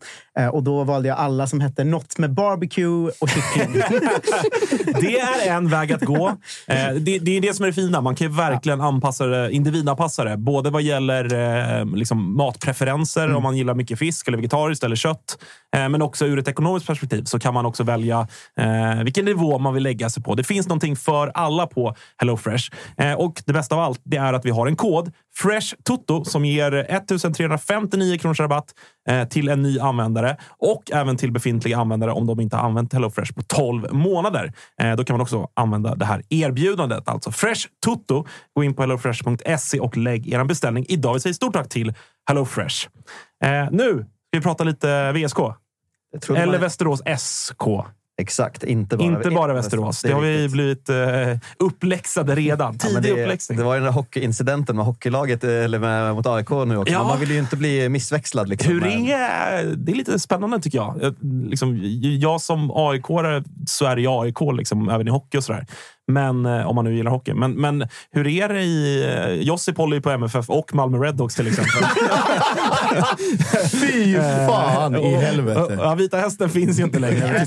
Menar du? Vi har ju startat om i division 3. Jaha, är det så? Ja. Sorry. Har de sorry. fått kontrakt då igen, de här spelarna som var lite skandaler med eh, kokain och grejer för ett par år sedan? Eh, det var väl ungdomslirare va? som eh, drog lite sköna grejer i pausen på en match. Och Oj. sen gick ut och var riktigt igång i period tre. där. Det, det, det låter division 3-kompatibelt ändå. Det, ja, det kan jag tänka mig. Men hur, hur är, liksom, är det så att de flesta håller på VSK och Alltså jag skulle säga att gemene västeråsare, de går väl på Irsta Västerås handboll, de går på Västerås innebandy, på Vik Hockey och Ah, okej. eh, VSK. Men av de eh, aktiva, VSK har ju fotboll, bandy, stort på vintern, bowling och orientering. Det är de sektionerna vi har. Ja. Eh, Vilken jävla kombo. Orientering känns inte som att det är jättemånga som Bo- går på. Nej, jag vet faktiskt Man- inte om vi har några aktiva orienterare just nu, men bowling vinner vi SM-guld ibland i fyrmannalag. Kör ni event med Svanemar då? aktivitets... jag, jag tänkte mest på så här, vi, fotboll och bandy, det går man och tittar på. Bowling och orientering utövar man själv. Ja, ja, Ja, men exakt. det, vi har ju haft, eh, eller flera stora supportrar har har ju spelat i bowlinglaget. Liksom. Ah, Det- okej. Gåshud. Ja, det är, det De är är, faktiskt. de är lite äldre gardet, de är lite äldre än mig. Liksom, så. Ja. Ja, men, men, men bandyn är ju stor annars. Ja, exakt. Det är ju mesta mästarna. Ja, det är så till. Piskade i Bayern i lördags. Ja, du ser. kunde du tagit med Hjelmberg. Fan, det kommer vi ha kanske lite små beef här. För jag vet ju att eh, Bernevall är ju väldigt Just inne i. Sirius eh, bandy också. Så Och att, eh, vet du vad jag fick reda på av Kristoffer innan vi gick in? Mm. Gamla polare. Bernevall och... Nej, uh, Musko. Ja, Musko, förlåt! Du ser, jag blandar ihop nu. Ja. Jag blandar ihop. Nej, glöm vad jag sa. Glöm vad jag sa. Ja, men det är exakt. Kan vi Ta- ha lite bandytoto kanske? Ta lite frukt här. Ja, jag, lite. jag måste skölja av dem. Kan inte du Ja. göra det? Eh, men, men hör du, hur, eh, hur är pulsen då inför eh, allsvenskan? För det var fan ett tag sedan. Ja, det är liksom för att sätta lite perspektiv. Jag såg första matchen då, 97, senast vi var i Allsvenskan. Då var ju Yxel Osmanowski och Daniel Andersson var ju stora talangerna. Liksom. Det var ju de man... Det är ett tag sedan. Ja, det, det är... Eh, eh, nej, så det är, förra året när vi hade AIK i kuppen då reste vi ganska ja, bra följe ändå. För då tänkte man att det är inte så ofta vi får åka på de riktiga matcherna. Liksom. Det var, jag tror det var det som lockade mycket. Jag kommer inte ihåg exakt hur många det var. väl tusen pers kanske. Ja, något sånt. Eh, så då känns ju... Sen vi gick upp så har vi varit bottenstrid i princip. Uh, upp i superettan igen. Då. Eh, 2019 gjorde första säsongen tillbaka i superettan. Mm. Så man har liksom inte riktigt haft uh, trott att det skulle vara möjligt att gå upp i allsvenskan. Så det är ju, känns ju jävligt kul. Hur har, för det kommer jag ihåg att jag frågade Axel som håller på Gais när vi ringde honom. Hur, hur liksom, eh, den publikboomen vi har sett i allsvenskan och sådär. eh, Hur liksom, på läktarna och allt sånt. Vi har sett mindre klubbar i allsvenskan. Sirius till exempel som har tagit enorma kliv och sådär. Hur, hur mycket av det där har ni sett i, i, i VSK? Ja, men det är vi mer än dubblade i publiksnittet. Uh, var nästan 4 000 i publiksnitt. Och vi hade ju slutsåld arena då hemma mot Gais. Uh, det har ju aldrig hänt innan. Nej. Det var ju då matchen som avgjordes. Och även med vårkanten där såg man nya Instagram-konton varje vecka nästan med ny, nya, nya grupperingar. Så det är liksom en, en fin symbios. Att förra året var det väl en, en supportergruppering som firade 20 år samtidigt som det fylls på med nya. De har ju fortfarande varit bland de yngre liksom på läktaren fast de har kört samma banderoll sedan 2003. Mm. Uh, och nu äntligen så kommer det lite nya grupperingar och uh, folk som inte bara går på stormatcherna utan även åker på or, organiserat bortamatcher. Då. För jag tänker, alltså, Västerås har väl haft lite problem om vi tar den Sirius-parallellen också. Att la, alltså, man har haft ett större lag. Eller det, jag vet ju att det finns en stor fraktion Västerås-gnagare bland annat. Eh, och lite andra folk som stödjer andra lag i Stockholm. Eh, har du märkt av liksom, kring den yngre generationen att det bara nu är Västerås som gäller? Eller lever det kvar lite grann? Det lever säkerligen kvar. Jag bor i Stockholm så jag Mm. ser liksom inte dagliga det är ingen, jag ser ingen som visar DIF i Västerås. Liksom. Men det är... Hur, vis, hur visar du sportklubben? Nej, men det är... Det är självklart så är det att det är det som nu är, närheten till Stockholm har varit ett problem. Mm. Att man kan ta tåget 50 minuter så är du i Sumpan och promenera till eh, Råsunda eller. Då. Förlåt, Strawberry. Exakt. Eh, och, Viktigt och det är väl ett, har väl varit ett jätteproblem. Men nu när det händer mer, det är eh, bränningar var och varannan match. Det är eh, en ny tifo-verksamhet och det är klart att de yngre tycker det är roligare då liksom, att börja gå för ESK Och det tror jag är väldigt viktigt. Mm. Vad, vad eh, liksom, rivalitetsmässigt, fin, finns det något liksom, finns det någon så här gammal grej mot liksom, hur är det med Norrköping och Västerås? Finns det någonting där? Alltså, vi har ju mer mött vad heter de? Sylvia på bollspelaren. Så det, Men det känns ju som att Västerås verkligen som stad har potentialen, alltså samma som Uppsala hade. Att eh, liksom Alltså, det är Sirius, Sveriges femma. ja, men, Femma. exakt. Och Sirius, vadå, kolla deras supporter nu jämfört med för fem år sedan. Alltså, det kan gå ganska fort när grupperingar börjar bildas och det börjar brännas och det börjar göras tifon. Om Västerås skulle hålla sig kvar några år, alltså jag tror att det finns en superpotential i publiken där. Absolut, det tror jag också. Jag menar, Sirius, vi gör, tycker att det är roligt. Vi mötte Sirius ofta i division 1 norra. Liksom, och då var ju, Mm. Ni hatar Sirius har jag hört. Att, Ja, men det är någon ny. Alltså, de var ju alltid några lajvare, två punkare och några studentspexare typ, på läktaren. ja, det var Eh, bröderna Bernevall och två till. Ja, så vi, jag personligen har liksom ingen riktig eh, relation till dem så, men jag vet att på yngre, yngre gängen så Mm. byggs det upp. Det är väl östra Aros mot västra Aros. Liksom. Eh, så det, det kan nog bli en, en beef framöver. Annars historiskt är det väl Örebro eh, som har varit stora matcherna. Uh, Guys har väl på 2000-talet var lite kurr tidigt 2000-tal där. Eh, så de matcherna brukar alltid, alltid dra lite extra. Och sen Ja. är det Sto- Stockholmslagen såklart. Då, klarade, då var det ändå lugnt på eh, den avgörande matchen. Trots att ni stod på samma sida. Ja, det, det, det, var, det blev lugnt ändå. Det var några, några som rusade åt det hållet vid planstormning, men det hör till. På tal om eh, att stå på samma sida. Då, det, det, har in, liksom inte hänt jättemycket i truppen, åtminstone inte in. Eh, En del tappar ut som vi ska gå in på också. Men eh, om vi börjar med hela arenafrågan. Vi hade med Ka- Kalle Karlsson innan jul någon gång var det väl. Eh, där ju han var... Alltså, ändå, alltså, inte märkligt, för att jag förstår väl frustrationen. Men man, det kändes ju inte som en manager som precis har tagit upp Västerås till allsvenskan liksom på hur han såg på, på livet, höll jag på att säga, men på liksom tillvaron som, som VSK-manager. Utan det var, det var liksom eh, ord och inga visor kring förutsättningar, faciliteter, stöd från kommun och så vidare. och så vidare. Men, men arenafrågan har ju varit en, en het potatis. Nu har det väl byggts, eller håller på att byggas, någon form av halvprovisorisk bortaläktare kan man säga. Precis, det kommer byggas en... eller, Det är ett rent haveri i fotboll. Så vi flyttade till Rocklundaområdet och spelar numera på Hitachi Energy Arena. På tal om usla namn. Exakt. Eh, Jag säger fotbollsarenan på Rocklunda. Matchens lirare på en slagborr. Ja, vi flyttade dit 2008 och då var det ju sagt att den, eh, att den skulle kunna byggas ut. För det är en sämre version av eh, Södertäljes arena liksom, med två, eh, inga kortsidor. Nej. Så det är det som ska göras nu. byggs en provisorisk kortsida eh, för borta, bortaläktare. Då. Runt 2000 va? Läste jag någonting? Två sektioner med tusen på varje ungefär. Ja. De vet inte riktigt hur stor den kommer bli. Så det, det är väldigt, Vi får märkligt. se. Eh, nej, så då kommer man väl kunna dela av det och mindre, lag med mindre följen kommer man kunna ha någon variant på familjeläktare, tror jag tanken är. Och sen just där, ja, framförallt Stockholmslagen och Malmö, kanske Göteborg. Jag vet inte riktigt vilka som kommer, Nej. kommer sälja slut. Men Och det är ju såklart eh, liksom, dels ur, ur för mig då, som, som kommande bortasupporter. Vi möter i höst tror jag, eh, borta. Men, men också för, för, liksom, för er del så möjliggör ju det ju också att den långsidan där bortasupportrar tidigare har stått. Alltså, det är väl rimligt att tro att det kommer vara någon form av pu- publiktillströmning. så är det verkligen. Och skapar det ju bättre såg för er. man, såg man verkligen att det behövdes. Man, det har ju varit en säkerhetszon mellan Mm. eh, hemma och bortastå. Då, och den minskades ju under, eh, under året för att det, blev, det sålde slut på hemmastå. Liksom. Mm. ett par matcher. Så det kommer ju verkligen bli. Sen är det väl också är med att det ska komma till några, ja, men faciliteter. Man kan ju inte ha några eventområden för alltså sponsorer och sådär. Det är ju väldigt stora problem. Mm. Grannarna i hockey, hockeyhallen har väl bättre faciliteter för sådana grejer. det, den ligger bredvid. Exakt. Ja. Det både fotboll, bandy och hockey på, inom, på samma område. Ja, ja. Eh, sportsligt då, så eh, ja, som sagt, det har inte hänt eh, jättemycket. Burke lämnar för eh, Slovakien, va? Ja, det verkar vara en drömflytt faktiskt. Jag såg något klipp på Instagram. De verkar, de verkar ha Okej. lite, lite publik och va- va- varit i Europakvalmatcher och sådär. Så Ja. det, Men Mitt, inget, eh, inget jättetapp eh, sportsligt. Han ändå. var ju väldigt intressant på vårsäsongen. Sen fick han hjärtproblem tror jag det var, så han var borta ett tag. Mm. Och då kom ju ja, men Åslund och Simon Johansson cementerades liksom som första valet som offensiva ytter, ytterspelare. Mm.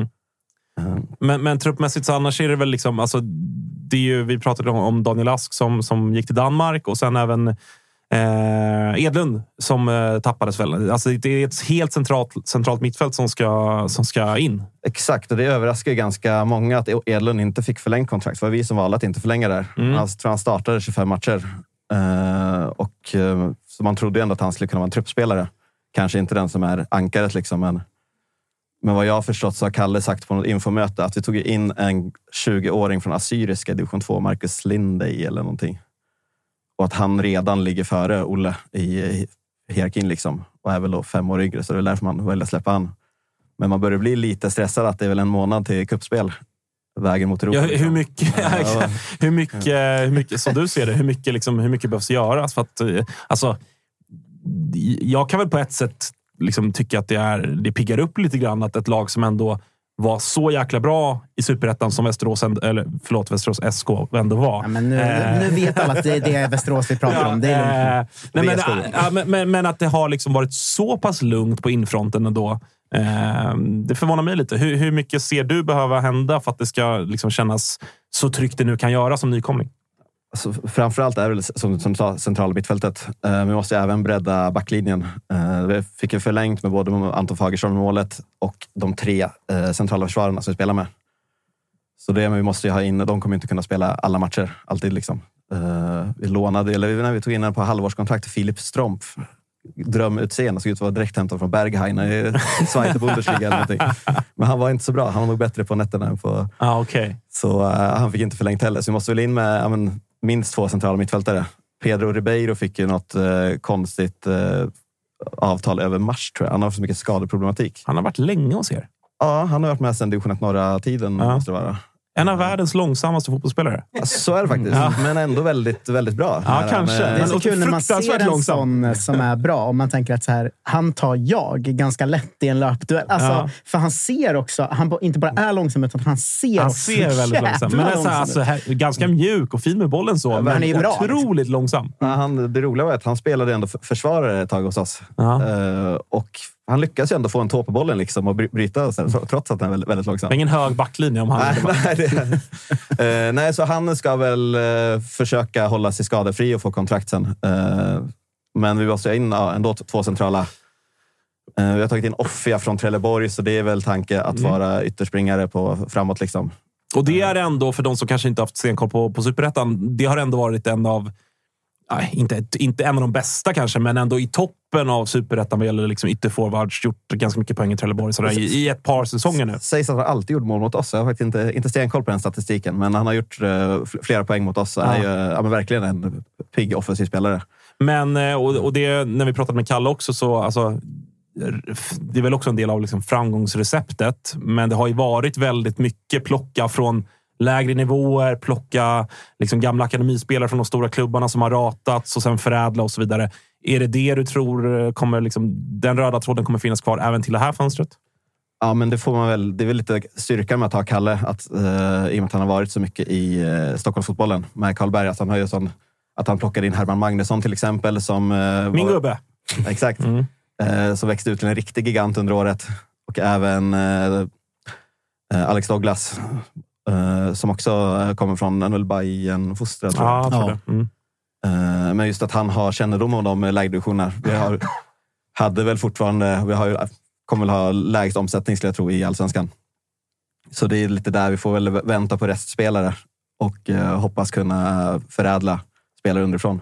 Ju- Eller som, man, som sagt med Kalle och hans eh, otroliga liksom, koll på framförallt eh, superettan och, och däromkring. Alltså pinpointa spelare från topplag i superettan. Alltså till exempel, pratar de om Västermark till Gais Hade det varit en, en liksom, logisk lösning och hade det varit praktiskt genomförbart att få igenom. Det är ju också en, en ty- urtyp av en, en spelare som skulle kunna gå rakt in i VSK som man dessutom vet kan leverera. Adam Bergmark Wiberg till exempel. Eller valfri talang från superhaveriet J Södra. Eller alltså den biten. Det borde ju också vara som att man inte behöver ner och gräva liksom, i, i tvåan eller whatever. Är det Utan- ännu ett år där vi säger att den smarta klubben tar Bergmark Wiberg? Alltså, Ja, det, det känns alltså- som att vi är inne på det varje år, men det hade varit en så jävla smart värvning tror jag. Frågan är om han, eh, utan att ha som, nu skjuter jag verkligen från höften, men frågan är om det är Alltså såklart ett sportsligt i och med att det är olika serier eftersom Öster inte lyckades i år igen. Men, Men eh, frågan är om det ekonomiskt är bättre för honom att gå till VSK eller inte. Jag är fan tveksam alltså. Ja, det kan jag också vara tveksam. Jag kan tänka mig att Öster har en jävla omsättning. eh, Eller, Ja, men de har väl spelartruppen, liksom varit, liksom. varit topp i Superettan i fem år nu. Det, det känns som att de har en allsvensk kostym i organisationen med, alltså med arenan och allting. där är ju en, Deras eh, klubbchef Jens Magnusson är också, han var ju hos oss förut. Han, Mm. han har jag väldigt mycket tilltro till. Det, det känns som att de går upp i år, Öster, tycker jag. Ja, ja det, det, jo, men som man sagt. Ja, jag vet. Ja, å andra sidan. Ehm, men men eh, ett annat rykte som ju, det var väl du som slog ner det Josip, men Mm. eh, var ju Bessan Savovic som Mm. det kom lite lösa rykten kring. Det är väl också kanske den typen av värvningar man också får eh, titta lite på. Alltså så här, tredje, fjärde gubbar i, i topp eller mittenlag i allsvenskan. verkligen, jag tror inte att vi har råd att lösa någon med kontrakt, men en sån på lån hade absolut kunnat vara en, en idé. Men jag tror att många, många av spelarna väntar nog ut tiden lite också och kollar om de kan få ett hack över VSK i hierarkin. Liksom. Och så får vi ta de som inte får, får kontrakt där kanske. Mm. Jimmy Durmaz är väl från Örebro. Är inte så långt ifrån. Där kan eh, Koppling. de får vara låne... De ska också lyckas vinna över den turkiska klubben som det kom ryktena Ja, om jo, ja. Ja, och så pratade vi pratade inom programmet också om eh, Viktor Fors och, och liksom hans provspel nu med, eh, med eh, VSK. Om det skulle kunna bli någonting. Kommer ju från, visserligen från en ganska tuff skada. Missade hela förra säsongen, men var, eller stora delar, men var ju också lagkapten i AFC Eskilstuna. Så att någon form av kvalitet finns där också. Fan, vet ni vad jag ser? Mm. Eh, lån eller väldigt billigt få loss eh, Shabani som bröts lånet i Spanien eh, nu. Den tror inte jag är helt omöjlig för Västerås att landa, för jag tror inte det finns så mycket intressenter där. Shabani är en. En annan som har kopplats ihop lite löst nerifrån Skåne är också Josef Ceesay. Just det, Mm. skulle- du. Det hade varit en dundervärvning. Ja. Men han känns som att han är för bra för att bli utlånad till VSK. Eller? Framförallt han är- han är också självbild, skadad. eller? Ah. Känns som att han inte kanske känner att han vill gå till Västerås. För hans egen skull, om han ska spela. Absolut. Så, Det om kan vara samma med Shabani dock. Ja, om man tänker Ja. att, eh, om man tänker att liksom, så, visst, du får vara kvar i allsvenskan. Du får liksom komma till en klubb där du ändå spelar. Om man tittar bara på hans position. Om, nu, om det är en tidsfråga innan Jens Stryger Larsen blir klar och sen är det ju liksom en eh, comebackande Anton Tinneholm rakt bakom. Svårt att bryta igenom där, va? Ja, det, det, det, det kan man säga att det är. Ja. Mm. Eh, Men, men vad, eh, när du bara liksom får blicka framåt eh, mot vårkanten, vad, vad ser du fram emot då, liksom, med, ja, men som supporter till VSK och att spela allsvenskan igen? Vad, vad är det för liksom målbilder du har? Ja, men det är väl alla, nya arenor. Så jag är ju van att åka på bortamatcher i Aspudens IP om jag Gröndal borta. Liksom. Eh, och nu ska man åka till ja, de två sponsornamnarenorna istället. Och, eh, ja, men sen åka till, till Malmö. Alltså det är helt nya division 1 norra. Det sliter på kroppen lite när man har varit många år där. Man har ofta norr, långa Norrlandsresor och det rycker lite mer att åka till, till, till ja, men Malmö, Stockholmslagen. Kalmar har ju första veckan i juni tror jag. Det kan bli en jävla... Mm. Och så får ni ju, blir ni ju alla välkomna. Det gäller inte bara dig, eller er alla andra också. Välkomnade till nya bortasektionen nere i Malmö. Just det. Ska ju stå klar lagom till eh, premiären. Ah. Just det, Mm. I hörnet. Mm. Tyska tårtbitar har vi pratat om innan. Två, två etage i hörnet. Ja, exakt. Fan, ska man köra etage ett eller två? Ja, men ni är ju så oxtokiga så ni kan ju stå precis vad ni vill. Ju. Jo, jo, men för, för, för egen del tänkte jag. För egen del, ja, då hade jag tagit övre. Ja, kanske. Övre alltid fetare, närmare taket. Ja, det är sant. Det är Ja. sant. Ja, jag kör över. Jag kör över. Mm. Eh, ses där. Ja, Eh, ses på gatan sen. Just det. Just. Eh, vi släpper VSK lite grann och tar lite, lite sillypuckar som har varit kring eh, ja, Norrköping och Malmö. Vi kan väl börja där, även om det inte har hänt jättemycket kring era respektive klubbar. Men eh, Marco Lund, Mm. eh, är det klart? Ja, han är såld till Ungern. Ja. Vad, eh, vad gör du av det? Det är ju ändå en spelare som alltså, ändå har spelat lite grann. Det är inte så att han har varit Han har gubbe rätt- 20. Liksom. Han fick ju liksom en liten revival under Glenn. Ja. Han kom ju att vara rätt bänkad under eh, Norling. Eh, fick spela rätt mycket under Glenn och har ju ärligt talat... Alltså han har, det är en så problematisk mittback i det att... Eh, jag och Josip har pratat mycket om det, för det framförallt har varit så några matcher mot Malmö. Men att det är en sån mittback som har en viss höjd i sin aggressivitet. Att han kan vara, göra sådana dunderbrytningar, du vet. Eller Komma bakifrån, slänga sig och liksom lyckas få bort ett friläge. Eh, och göra tre sådana brytningar på 60 minuter och sen på fem minuter dra på sig en straff och ett rött kort. Liksom. Alltså, det är en för ostabil spelare. Liksom. Eh, och sen, om jag inte är helt snett på det, så eh, är man klara med den här artistskatten nu också. Så att hans lön hade blivit dyrare till nästa säsong. här. Och det var bara ett år kvar på kontraktet. Jag tror ingen trodde på honom och det känns nog bara bra för alla parter att han, att han lämnar. Eh, för jag, vi hade inte velat spela med honom. Jag tror inte han hade varit nöjd med att sitta bänk ett år till här i sin ålder och han har hyfsat dyrt kontrakt. Så det, kän, det känns bra för alla. Eh, inga summor är ute, men jag skulle gissa att det bara handlar om att vi får någon miljon. Ja. Sådär. Det är, Eh, där, men, men, precis, bli av med en ganska bra allsvensk lön. men det är ju en del av en rensning som, som jag har pratat om här länge. Att vi har rätt mycket att fixa sen Norling-åren och de kontrakten som den sportgruppen vi hade skrev då. Eh, jag kollade nu... Alltså, När Peking fortfarande hade pengar. Ja, jag, innan Norling var så här, "Nej, här är 100 Galna miljoner, Norling." låt oss lägga dem på kontrakt. Eh, men eh, vi har alltså gjort oss av med på utgående kontrakt, eh, lån och annat över tio spelare redan och vi är i början av januari. Liksom. Så att, det är klart att den här rensningen pågår ju, så att säga. Och i, i Marko Lund, Skulason, Sema, Telo. Alltså det här är ganska dyra löneposter som alla försvinner samtidigt, vilket ändå öppnar upp rätt bra för att den ekonomiska situationen i Peking, oavsett hur mycket man kan prata om sitt egna kapital och sånt där skit. Alltså, vi hade varit nära nästan konkurs om inte de här Rysslandspengarna hade löst. Alltså, det har varit jättedåligt med ekonomin. Eh, så att jag tror att det här den del i behoven som liksom har gått över två år nu. Att göra oss av med för dyra och lite för dåliga spelare. För pengarna och de dyra kontrakten har, har lagts på felträffar bara. Ja, Eh, det är väl eh, alltså, lite grann som det har varit i AIK också. Att man har lagt för mycket pengar på kontrakt. Ja, men på fel spelare På också. 28, 29, 30-åringar som inte heller bidrar. Jag ska säga, Marco det- Lund var ju yngre när han kom. Han var ju väl 23 eller något sånt. Ja. Eh, Men jag menar att de här... Säg att du har fem lön, dyra löneposter på, på en, en vinter och ett sommarfönster. Du kanske i våra typer av klubbar har fem värvningar där du faktiskt kan ge lite mer lön och lägga lite mer pengar.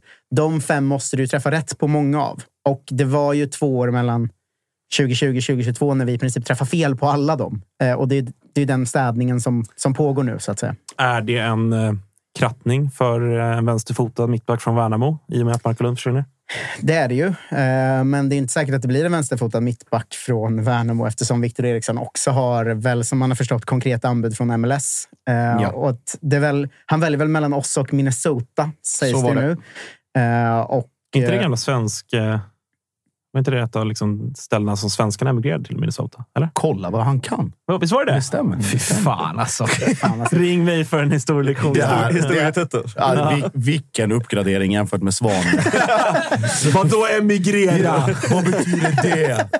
Eh, nej, men det hade varit en jättebra värvning och jag hoppas fortfarande på den. Eh, det har ju ryktats om eh, Rosenborgs lagkapten också, Henriksen, som ju var mittfältare förut. Folk kanske känner igen honom från lite så här Hall och sånt, men som ju gick ner som mittback för ett år sedan. Köper ni han då? Har han kontrakt eller är det... Men det verkar ha tjallat lite på tråden där i Rosenborg. Så, eh, och vi har ju tidigare goda eh, kontakter med Rosenborg. Va? Adegbenro till exempel. Och de Men- är väl inte heller riktigt vad de, vad de en gång var Nej. i Rosenborg. Alltså Men så. jag Även om det är Norge nog- och de betalar bättre löner. Så. Men jag hoppas, nog, eller jag hoppas väldigt mycket på Victor Eriksson. Eh, Mm. Alltså, han är ju, vi som har sett Värnamo mycket vet att det är liksom en, en defensiv en spelare som har sina styrkor i det defensiva. så att säga. Och Jag tror att han och Anton Eriksson hade funkat väldigt, eh, väldigt bra ihop. Eh, Sen kom det ju idag något som kittlar mig ganska mycket. Som är att eh, vi alltså vill gå in och liksom kapa eh, David Moberg Karlsson från, från IFK Göteborg. Som jag förstått det så fick man upp en nys om att han var intresserad av svensk fotboll igen, så att säga. Förra gången han skulle byta klubb inom svensk fotboll så stod det mellan oss och IFK Göteborg. Han valde oss. Han hade tre, var det väl, väldigt, väldigt fina år hos oss. Och argumentet att han ändå vill till Göteborg för han har byggt hus där. Han har byggt ut i- hus i Mariestad. Det är två timmar och en kvart till Göteborg, två timmar och 40 till Norrköping. Så, att, så stor skillnad är det inte.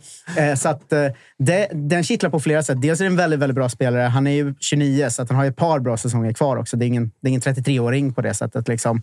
Eh, Och vi har ingen högryttare i hela vår trupp, vilket kanske behövs om man ska spela 4-3-3 till exempel. Ehm, och eh, jag kittlas ju ganska mycket av tanken på att gå in och bara kapa en övergång som de har varit väldigt glada över. Alltså ni förstår Ja, skadeglädjen i absolut. Göteborg har inte varit så pigga på hemvändare ännu. Vi ska sluta med det. Men här var ju faktiskt en hemvändare som alla göteborgare blev så, ja det här är bra, nu kör vi. Att då lyckas gå in och kapa den, det är en jävla härlig fotnedsättning. Sen tror jag inte det blir så. Jag tror att det blir i Göteborg, men jag hoppas. Jag noterar att eh, en liten liksom, duell också internt mellan dig och eh, BB-podd. Ja, ja, men det är det alltid. Ja. Det är ständigt... Eh, jag och Jocke, vi har en relation där den här... Den spelas alltid, men vi hugger liksom inte så ofta. Eh, och nu, nu är det ett sånt läge där vi faktiskt Kalla drar... kriget, Ja, liksom. exakt. Blir det Moberg Karlsson-skål nu då, eller hur? Nej, men almtimmen lever vidare. Eh, frodas. Eh, men alltså, så här, jag, jag, Så här, Moberg Karlsson är ingen jag har... Alltså som person kändes han alltid lite som, som en så här... Han kommer här några år och gå vidare. Man fick inte så nära relation så. Liksom. Men som spelare är han en jättebra fotbollsspelare och eh, väldigt bra frisparksskytt. Det tycker man också eh, om att ha i sitt lag. Så det, var, det, det finaste med Tappers melodi var ju också att det kommer från en för, kulturell referens. Filmen Den onde, den gode och den fule. Här finns ju ingen god. Här är bara en ond och en ful. Sen får, får folk tolka vem som är vem mellan honom och. Jocke. Där. Ja, men, äh, David Moberg Karlsson, den gode kanske. Ja, kanske. Han hade ju egen merch när han spelade Sparta Pra- Sparta Prag, för han var så omtyckt där. Ah, Okej. Det är en sån, sån grej som jag lägger märke till. Mm, skulle också kunna hitta på Ebay faktiskt. Ja. Och, och rocka i Verkligen. studion om man spelar Peking. Men jag menar, skulle det faktiskt bli så att vi landar Lushaku som, som liksom komplement på vårt mittfält, Eriksson som mittback och Moberg Karlsson som högerytter samtidigt som vi har gjort de här rensningarna i truppen, då är det, börjar det ju gå mot att vi gör ett riktigt bra fönster tycker jag. Eh, Och en Oskar jag, Johansson som jag vet att du... Där känner du ett kör, Tonna, eller? alltså, inte om vi får Moberg Karlsson va? Alltså, jag tänker att Oskar Johansson snarare är en av tre centrala mittfältare. Jag tänker att han är en offensiv... eh, Att, hos Ja, men oss, den offensiva på det tremanna mittfältet då? Han är inte en ytter på det sättet, tycker jag. Nej, jag vet. Men jag, Han är ju väldigt allround, men... Förstår du vad jag menar om jag säger att jag vill ha en spelare på de två positionerna som är spets? Och kanske Ja. snarare en breddspelare. Och då om man är så pass ballsy att man använder Oskar Johansson som bredd. Visst, liksom. Ja, det, där är Eh, ni men, inte. men där är vi inte riktigt, Nej. tror inte jag. Eh, men det här kommer väl sluta med att Victor Eriksson går till Minnesota och Moberg Karlsson till MLS och vi slutar med Joel Nilsson. Alltså, det är väl så det kommer bli. hittar vi att- här uppe på loftet sen. Ja, ja. jo, det ska jag säga. Men jag, jag har just nu lite hopp i alla fall. För jag tycker det är rätt saker som sker ut och eh, det är rätt lådor vi letar in, in om man ska säga så. Att, eh, även om det inte blir någon av de två så eh, är det rätt ambition och, och rätt typ av spelare vi går efter. Och det känns, det känns bra i mig. Och det känns också som att, eftersom jag tycker vi gör mycket bra just nu, så om det inte skulle bli DMK så kommer vi säkert hitta något annat som är bra. Eh, jag, jag känner mig för första gången på väldigt länge lite, eh, liksom, lite positiva vindar ändå kring saker som sker runt om fotbollsplanen. faktiskt. Och det verkar som att Andreas Alm ska få en assisterande i form av... Det är redan eh, klart. Det är klart nu. Valentic, Valle. Ja, presenterade sig i Mm. lördags. Ah, Okej, du ser. Eh, efter att han eh, hade haft ett möte med Alm och de hade, det var liksom en sån instant kärlek mellan de två på något konstigt sätt. Jag vet inte vad som hände riktigt. Men de, de verkar väldigt taggade och det enda de snackar om är att... Eh, det känns ju som det är en tydlig linje här. Att det enda båda pratar om är att nu jävlar ska Pekings ungdomar eh, få skina här. Det, det är det som är grejen nu och det, det känns bra. Han var väldigt upplyft, eh, kanske framför allt när han var med eh, Olof i BP förra vändan. Då, när fan det nu var. Fyra, Mm. Gick fem, väl- sex år sedan. Gick han från att vara huvudtränare och sen in som assisterande i BP? För det tror jag han pratade om också. Att Minns så inte här, de turerna. jag skiter väl i om jag är huvudtränare eller inte. Jag vill bara vara på ställen som gör något jag För mig är han bara liksom. en ass. eh, Men, men jag, jag han kommer trea som huvudtränare med Botev Plovdiv i Bulgarien. Sista jobbet han hade. Det vet jag inte vad det betyder överhuvudtaget. Det kanske till och med jag kan göra. Det, jag har ingen aning. Det betyder såklart ingenting. Nej, exakt. Men eh, det känns bra. De känns som de gillar varandra och det känns som vi har en tydlig linje. Och det vet ni under de här två åren vi har gjort Tuttosvenskan att det har inte varit mycket tydliga linjer i IFK Norrköping, va? Nej, det har varit eh, spretigt i, i, i sina stunder. Mm. Eh, men eh, du Josip, Oskar Johansson Ja. eh, är, är ju liksom...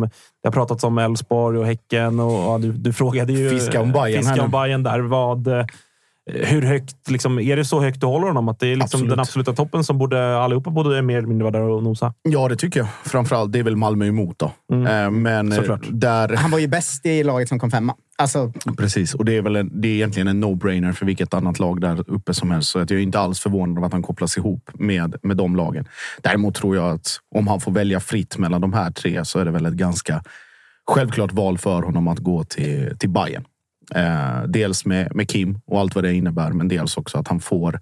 I och med att Hammarby är ju liksom i en ombyggnadsfas, så att det behöver inte... Även om han är pinpointad och det kommer med sina fördelar så är det fortfarande att han kan systemet, han kan hela den grejen. Det är bara att gå raka vägen in och då det, det känns och jag tror om, eh, att Oskar Johansson är en spelare som också blir ännu bättre av bra spelare runt omkring sig. Nu har han ju haft lyxen liksom med, med Wendersson eh, bakom och bredvid eller hur det nu har fungerat och det är ju det är två väldigt bra, bra spelare båda två. Men hamna i Bayern och i den, den kontexten och i den träningsmiljön och allting så, så tror jag att det kan bli väldigt, väldigt bra. Men tror du... eh, För att när vi pratade med Kim för Mm. några veckor sedan, när han, eller några månader sedan när han blev klar där.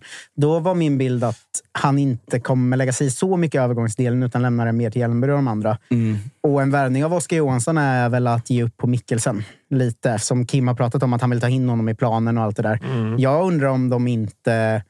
Jag undrar om de vill ha Oskar Johansson de runt om det. För det finns mycket annat som ska vakna igen. Ja, jo, det är, det är ju en sak. Däremot, jag, jag vet inte om de konkurrerar särskilt mycket, han och Mikkelsen, över, lång, över det långa loppet. Han kan ju användas både liksom, eh, kant och... och Men Kim har ju varit inne på att Mikkelsen ska vara Jag i vet, mitten. jag vet, han har varit inne på det. Eh, Mikkelsen är väl också personligt revanschsugen och har väl sagt att han, liksom, han, jag ska stanna här och, och bevisa varför jag ska spela i Bayern och sådär. Men där finns det ju fortfarande ett superintresse från Bode Glimt av alla jävla lag. De ser ju någonting i honom som... I Mikkelsen? Ja, som ingen annan verkar se. Men Bode är ju också så. Det vet vi ju sedan innan. Mm. Att de behöver inte motivera varför de letar efter spelare X, Y, Z. Utan Vi släppte bara, Samstedt gratis dit.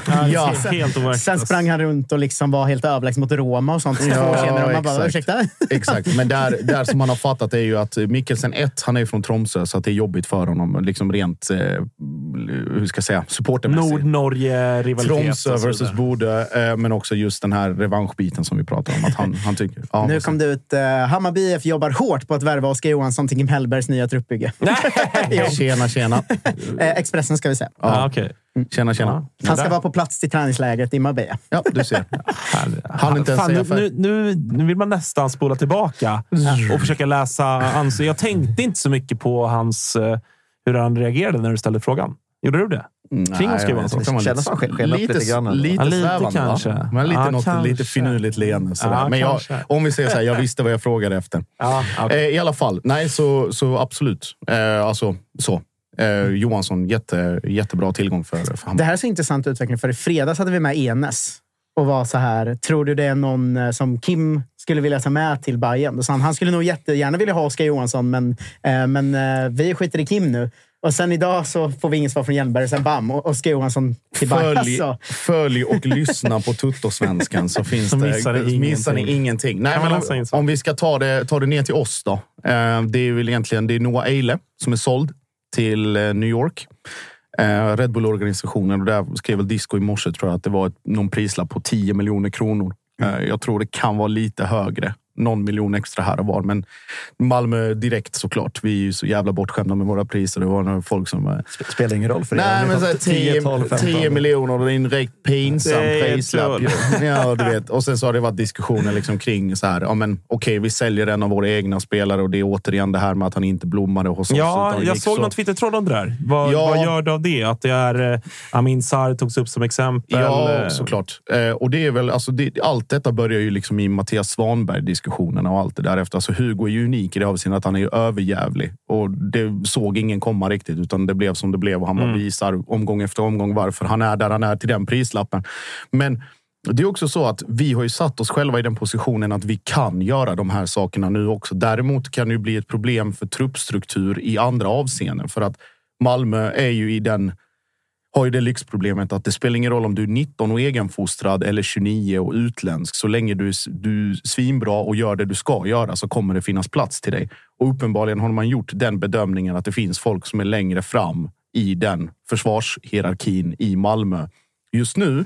Men också en mittbacksuppsättning som inte är, eh, alltså den är inte purung. Nej, det är ju Jansson, Cornelius, Moisander och sen så var det ju Kotto då som är på lån. Och som Mm. Och efter, där- vad var det, en timme i Värnamo där Simon Tern går ut och skriver Ja. något jävla hyllningsepos Ja. om hur bra ja, han är. Så det, kanske, det Eh. kanske var liksom att, lite grann att Kotto stod mot eh, Noah. Då. Ja, lite så. Eh, men det är liksom. också så här, och så, vi är ju också bortskämda med att just mittbackspositionen är ju en, någon form av liksom ett transportband där vi bara kastar fram talanger. Nu är väl nästa på tur där är väl Nils Zetterström från P19.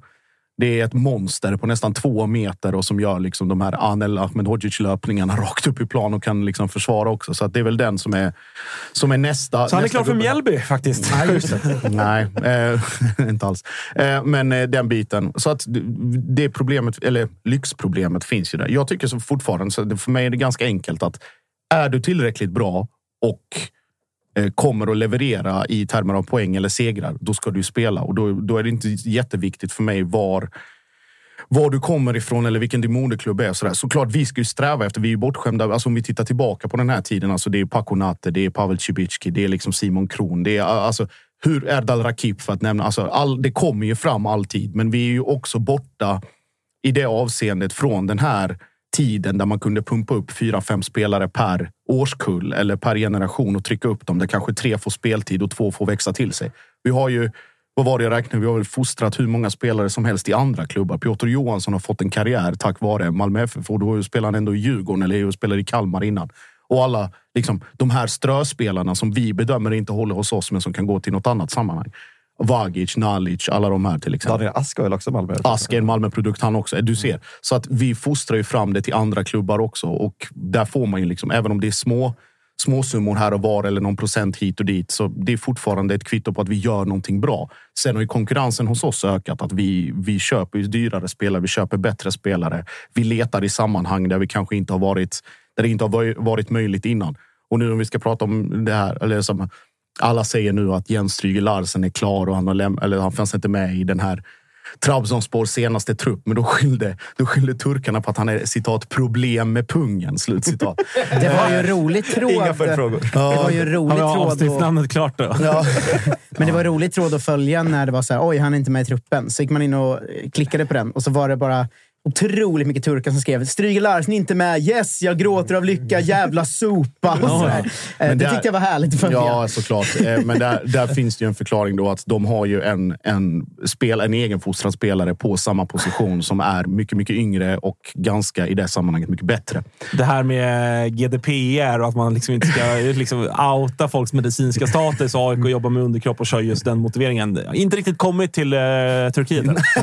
det kan vi konstatera. Nej, och, det, och, och den dagen, eh, om det nu är den här veckan eller nästa vecka eller när det nu än blir att Jens Stryger presenteras så är det ju den, back, den fyrbackslinjen är ju en backlinje som jag, jag vet inte om jag har sett någonsin i allsvenskan i termer av kvalitet.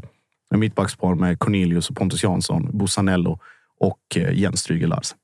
Nej, det är ju... Ja, det, Det är fusk. Ja, Det är alltså, fusk. Jag har ju sagt eh, i ett halvår nu, höll jag på att säga, eh, minst 12 poäng. Jag har ju sagt Vinner- 15. Ja, jag, jag, vill, jag är lite med dig på Minst 12 poäng kommer Malmö FF vinna allsvenskan med. Jag skulle säga att om Malmö inte vinner allsvenskan med 15 poäng är det en flopp.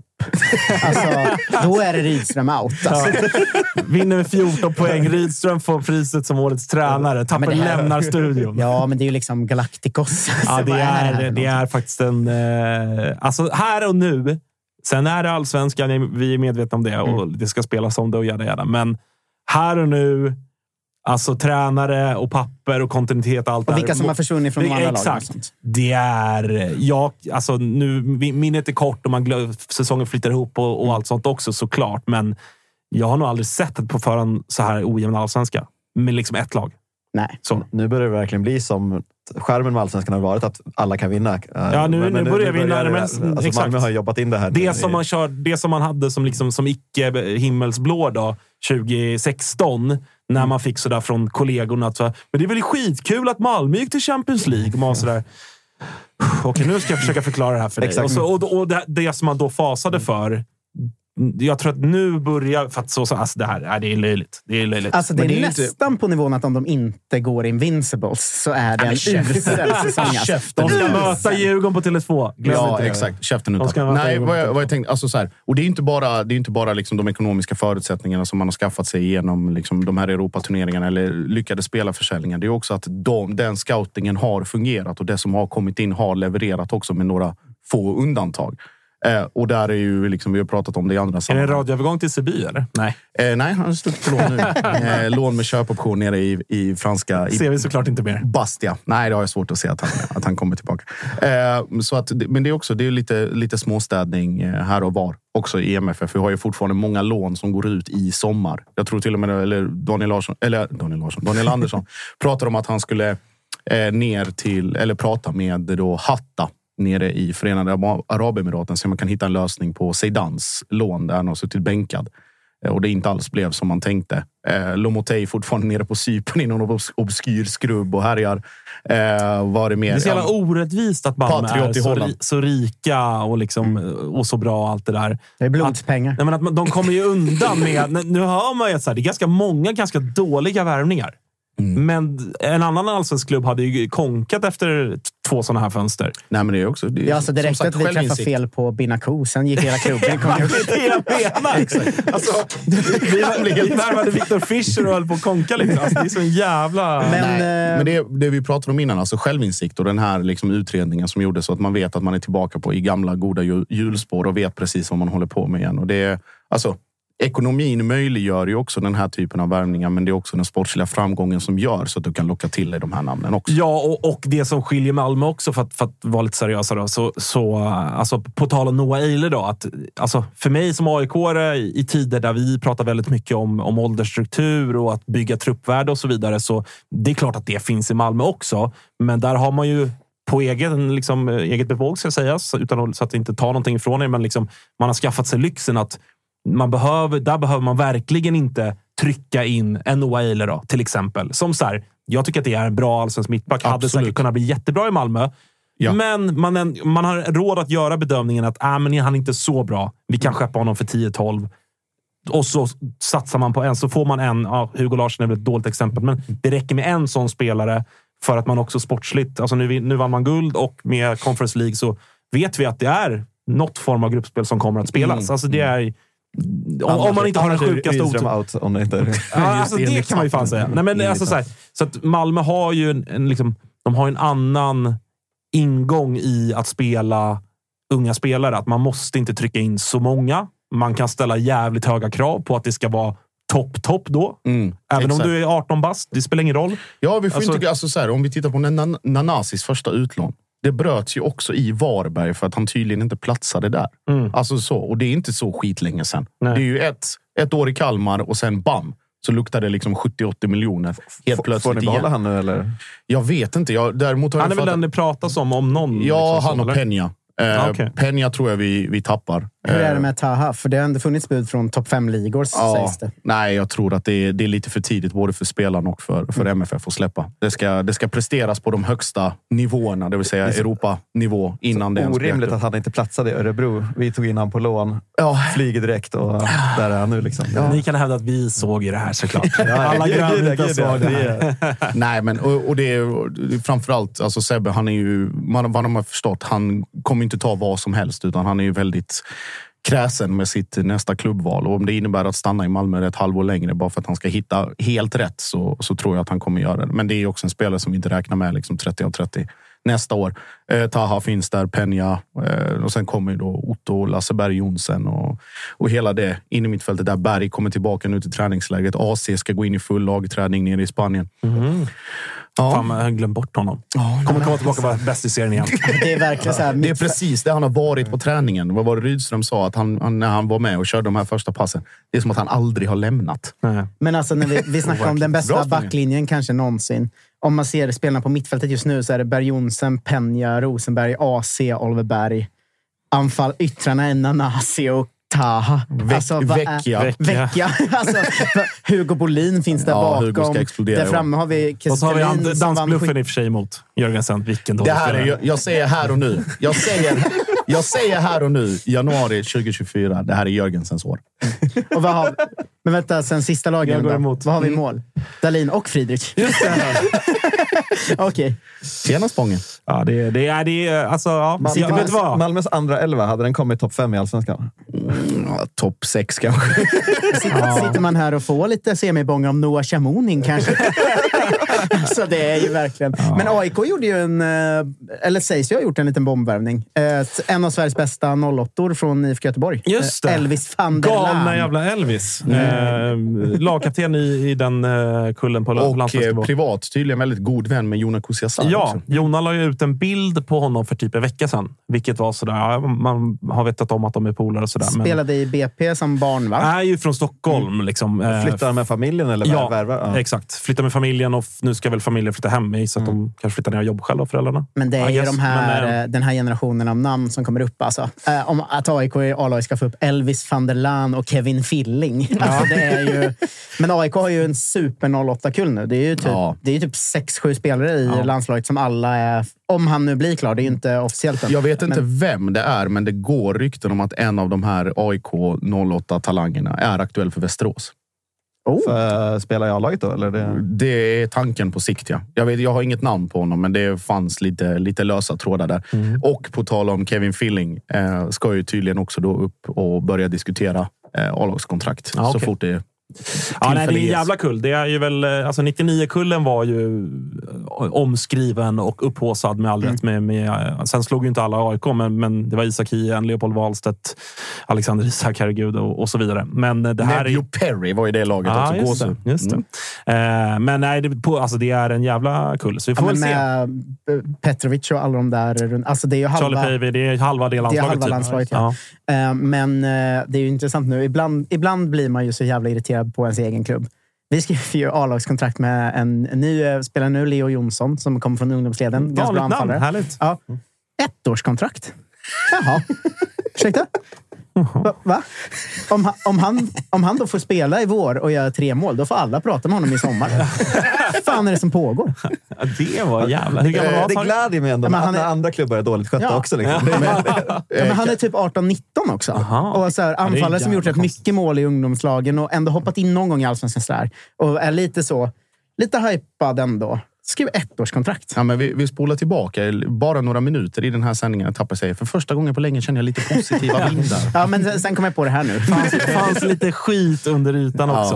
Eh, men eh, när vi ändå touchar vid AIK, vi ska börja runda av snart, men eh, kom ju ett rykte idag från eh, Anna Ladic på Expressen att eh, AIK är och fler klubbar var det väl, tror jag. Annel får ursäkta om jag inte minns När man skriver exakt. AIK och fler klubbar, då är det främst AIK. Ja, men, eh, men Oliver Sandén, gamla Elfsborgs eh, vänsterbacken som gick till Toulo- Toulouse sommaren eh, 22, har ju haft det tufft där, inte fått spela mycket alls och hade en tuff skada för ett knappt år sedan. Ska vara hel fysiskt nu, men, men såklart oklar eh, matchstats. Men 22 bast, svensk.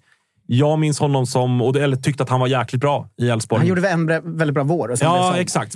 Han, han gick liksom emot Elfsborgsmanualen lite grann. Att han gick ganska direkt när eh, genombrottet kom. Han var inte kvar fyra år till som alla andra i, i Elfsborg, utan han, han, han gick väldigt tidigt och kanske för tidigt och ett för stort steg. Då. Men eh, Det var ju när Elfsborg inte hade lyxen att ha Niklas Hult och Johan Larsson på respektive kant också. så är det. Exakt. Men eh, jag är ju, är ju part i målet. Va? Och när jag är programledare så är jag ju såklart extremt objektiv. Så jag låter er eh, ta ordet kring Oliver Sandén. Vad, No vad tänker du där? Eller No- hur? no om, om, med brasklappen såklart att man får kolla Mm. igenom fysiken ordentligt, givetvis. Nej, jag Ehm, tycker det, det är ju perfekt i den profilen. Alltså så här, återigen, AIKs eh, små vidareförsäljningsklausuler till andra klubbar är ju en helt egen eh, avhandling i, på universitetsnivå. Hur man sköter dem. Nu ska ju Vasalund ha, vad är det, 30 procent? 81? Ja.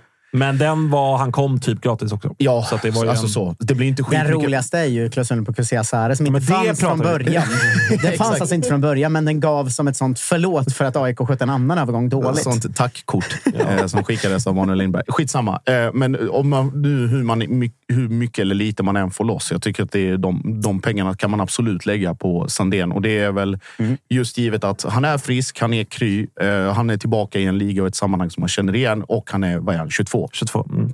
Typ, alltså, Och snack. svensk. Alltså det är en ganska viktig parameter när vi pratar AIK, givet den enorma liksom, eh, andel utländska spelare som vi har. Eh, Mm. Och det är ett problem. Så om vi skulle kunna... eh, Liksom, vi säljer Otieno eh, och får in en svensk spelare där istället. Så, så, och alltså är han i närheten av den nivån han höll den våren i Elfsborg så tycker jag att han är bättre än Otieno. Eh, jag såg någon la ut eh, hans spider från, från den våren och det var ju eh, Mohamed Yas emot så var ju Oliver Sandén på pappret siffermässigt liksom bäst i serien på, som vänsterback. Ja, och så måste ju han, han måste såklart komma i matchform och sånt igen, men, men prat väl, vi pratar väl ganska ofta om att eh, den kvaliteten såklart finns kvar där någonstans. Så Mm. att eh, som, som du säger, han 22 kan komma hem. Det finns inte så mycket konkurrens på den positionen och med den åldern så kommer han ju vara den man prioriterar. Och då gör han två bra säsonger så kommer han gå igen för 15 miljoner och allt blir jättebra. Ja, Alltså, ja, men lite så. det, det är Mm, perfekt. Så liksom. det, jag tycker att den känns... Men det kommer till AIK nu. Ja, okej. Att eh, Jimmy Durmas eh, ska... Det finns intresse från Turkiet, men enligt Disco ska det vara så att om det inte blir av så eh, rivs kontraktet.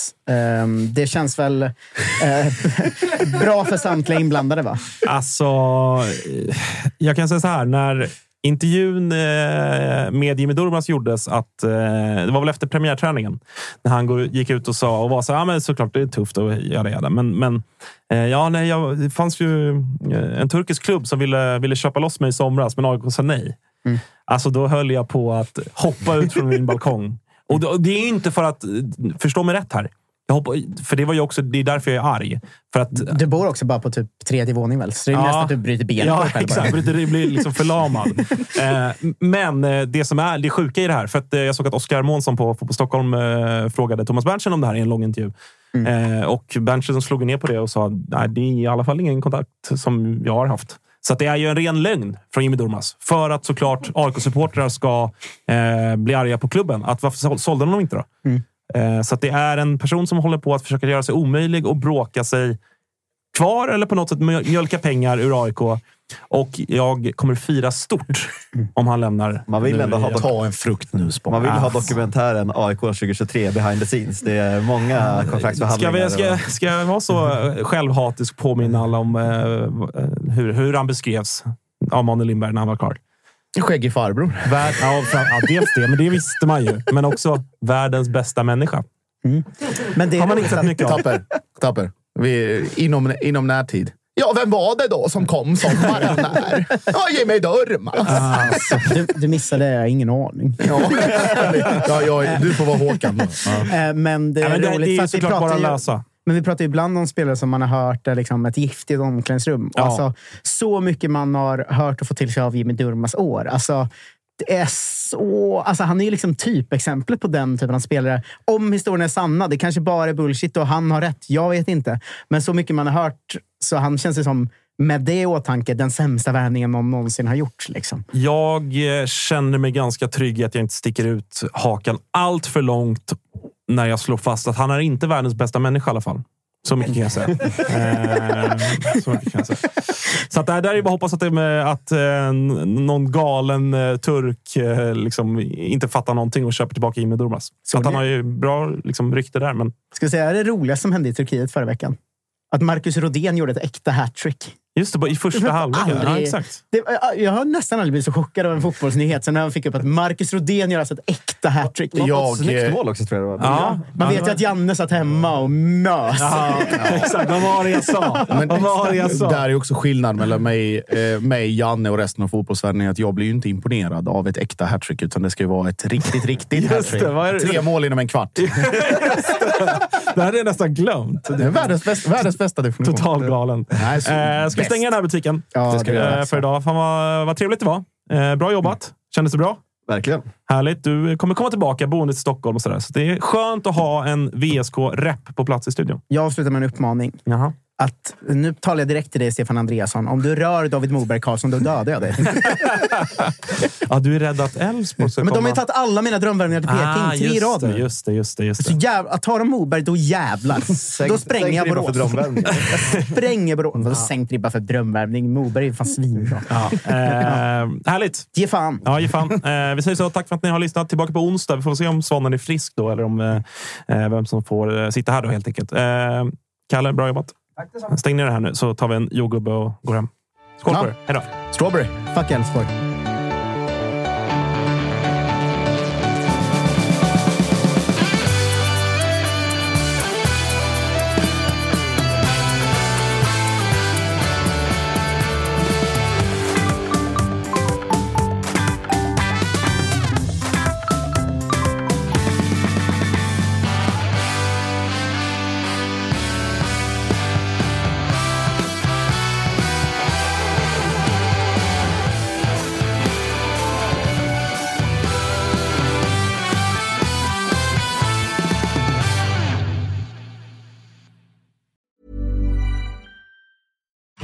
Why don't more infant formula companies use organic, grass fed whole milk instead of skim?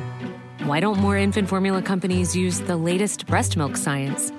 Why don't more infant formula companies run their own clinical trials? Why don't more infant formula companies use more of the proteins found in breast milk? Why don't more infant formula companies have their own factories instead of outsourcing their manufacturing? We wondered the same thing. So we made ByHeart, a better formula for formula. Learn more at byheart.com.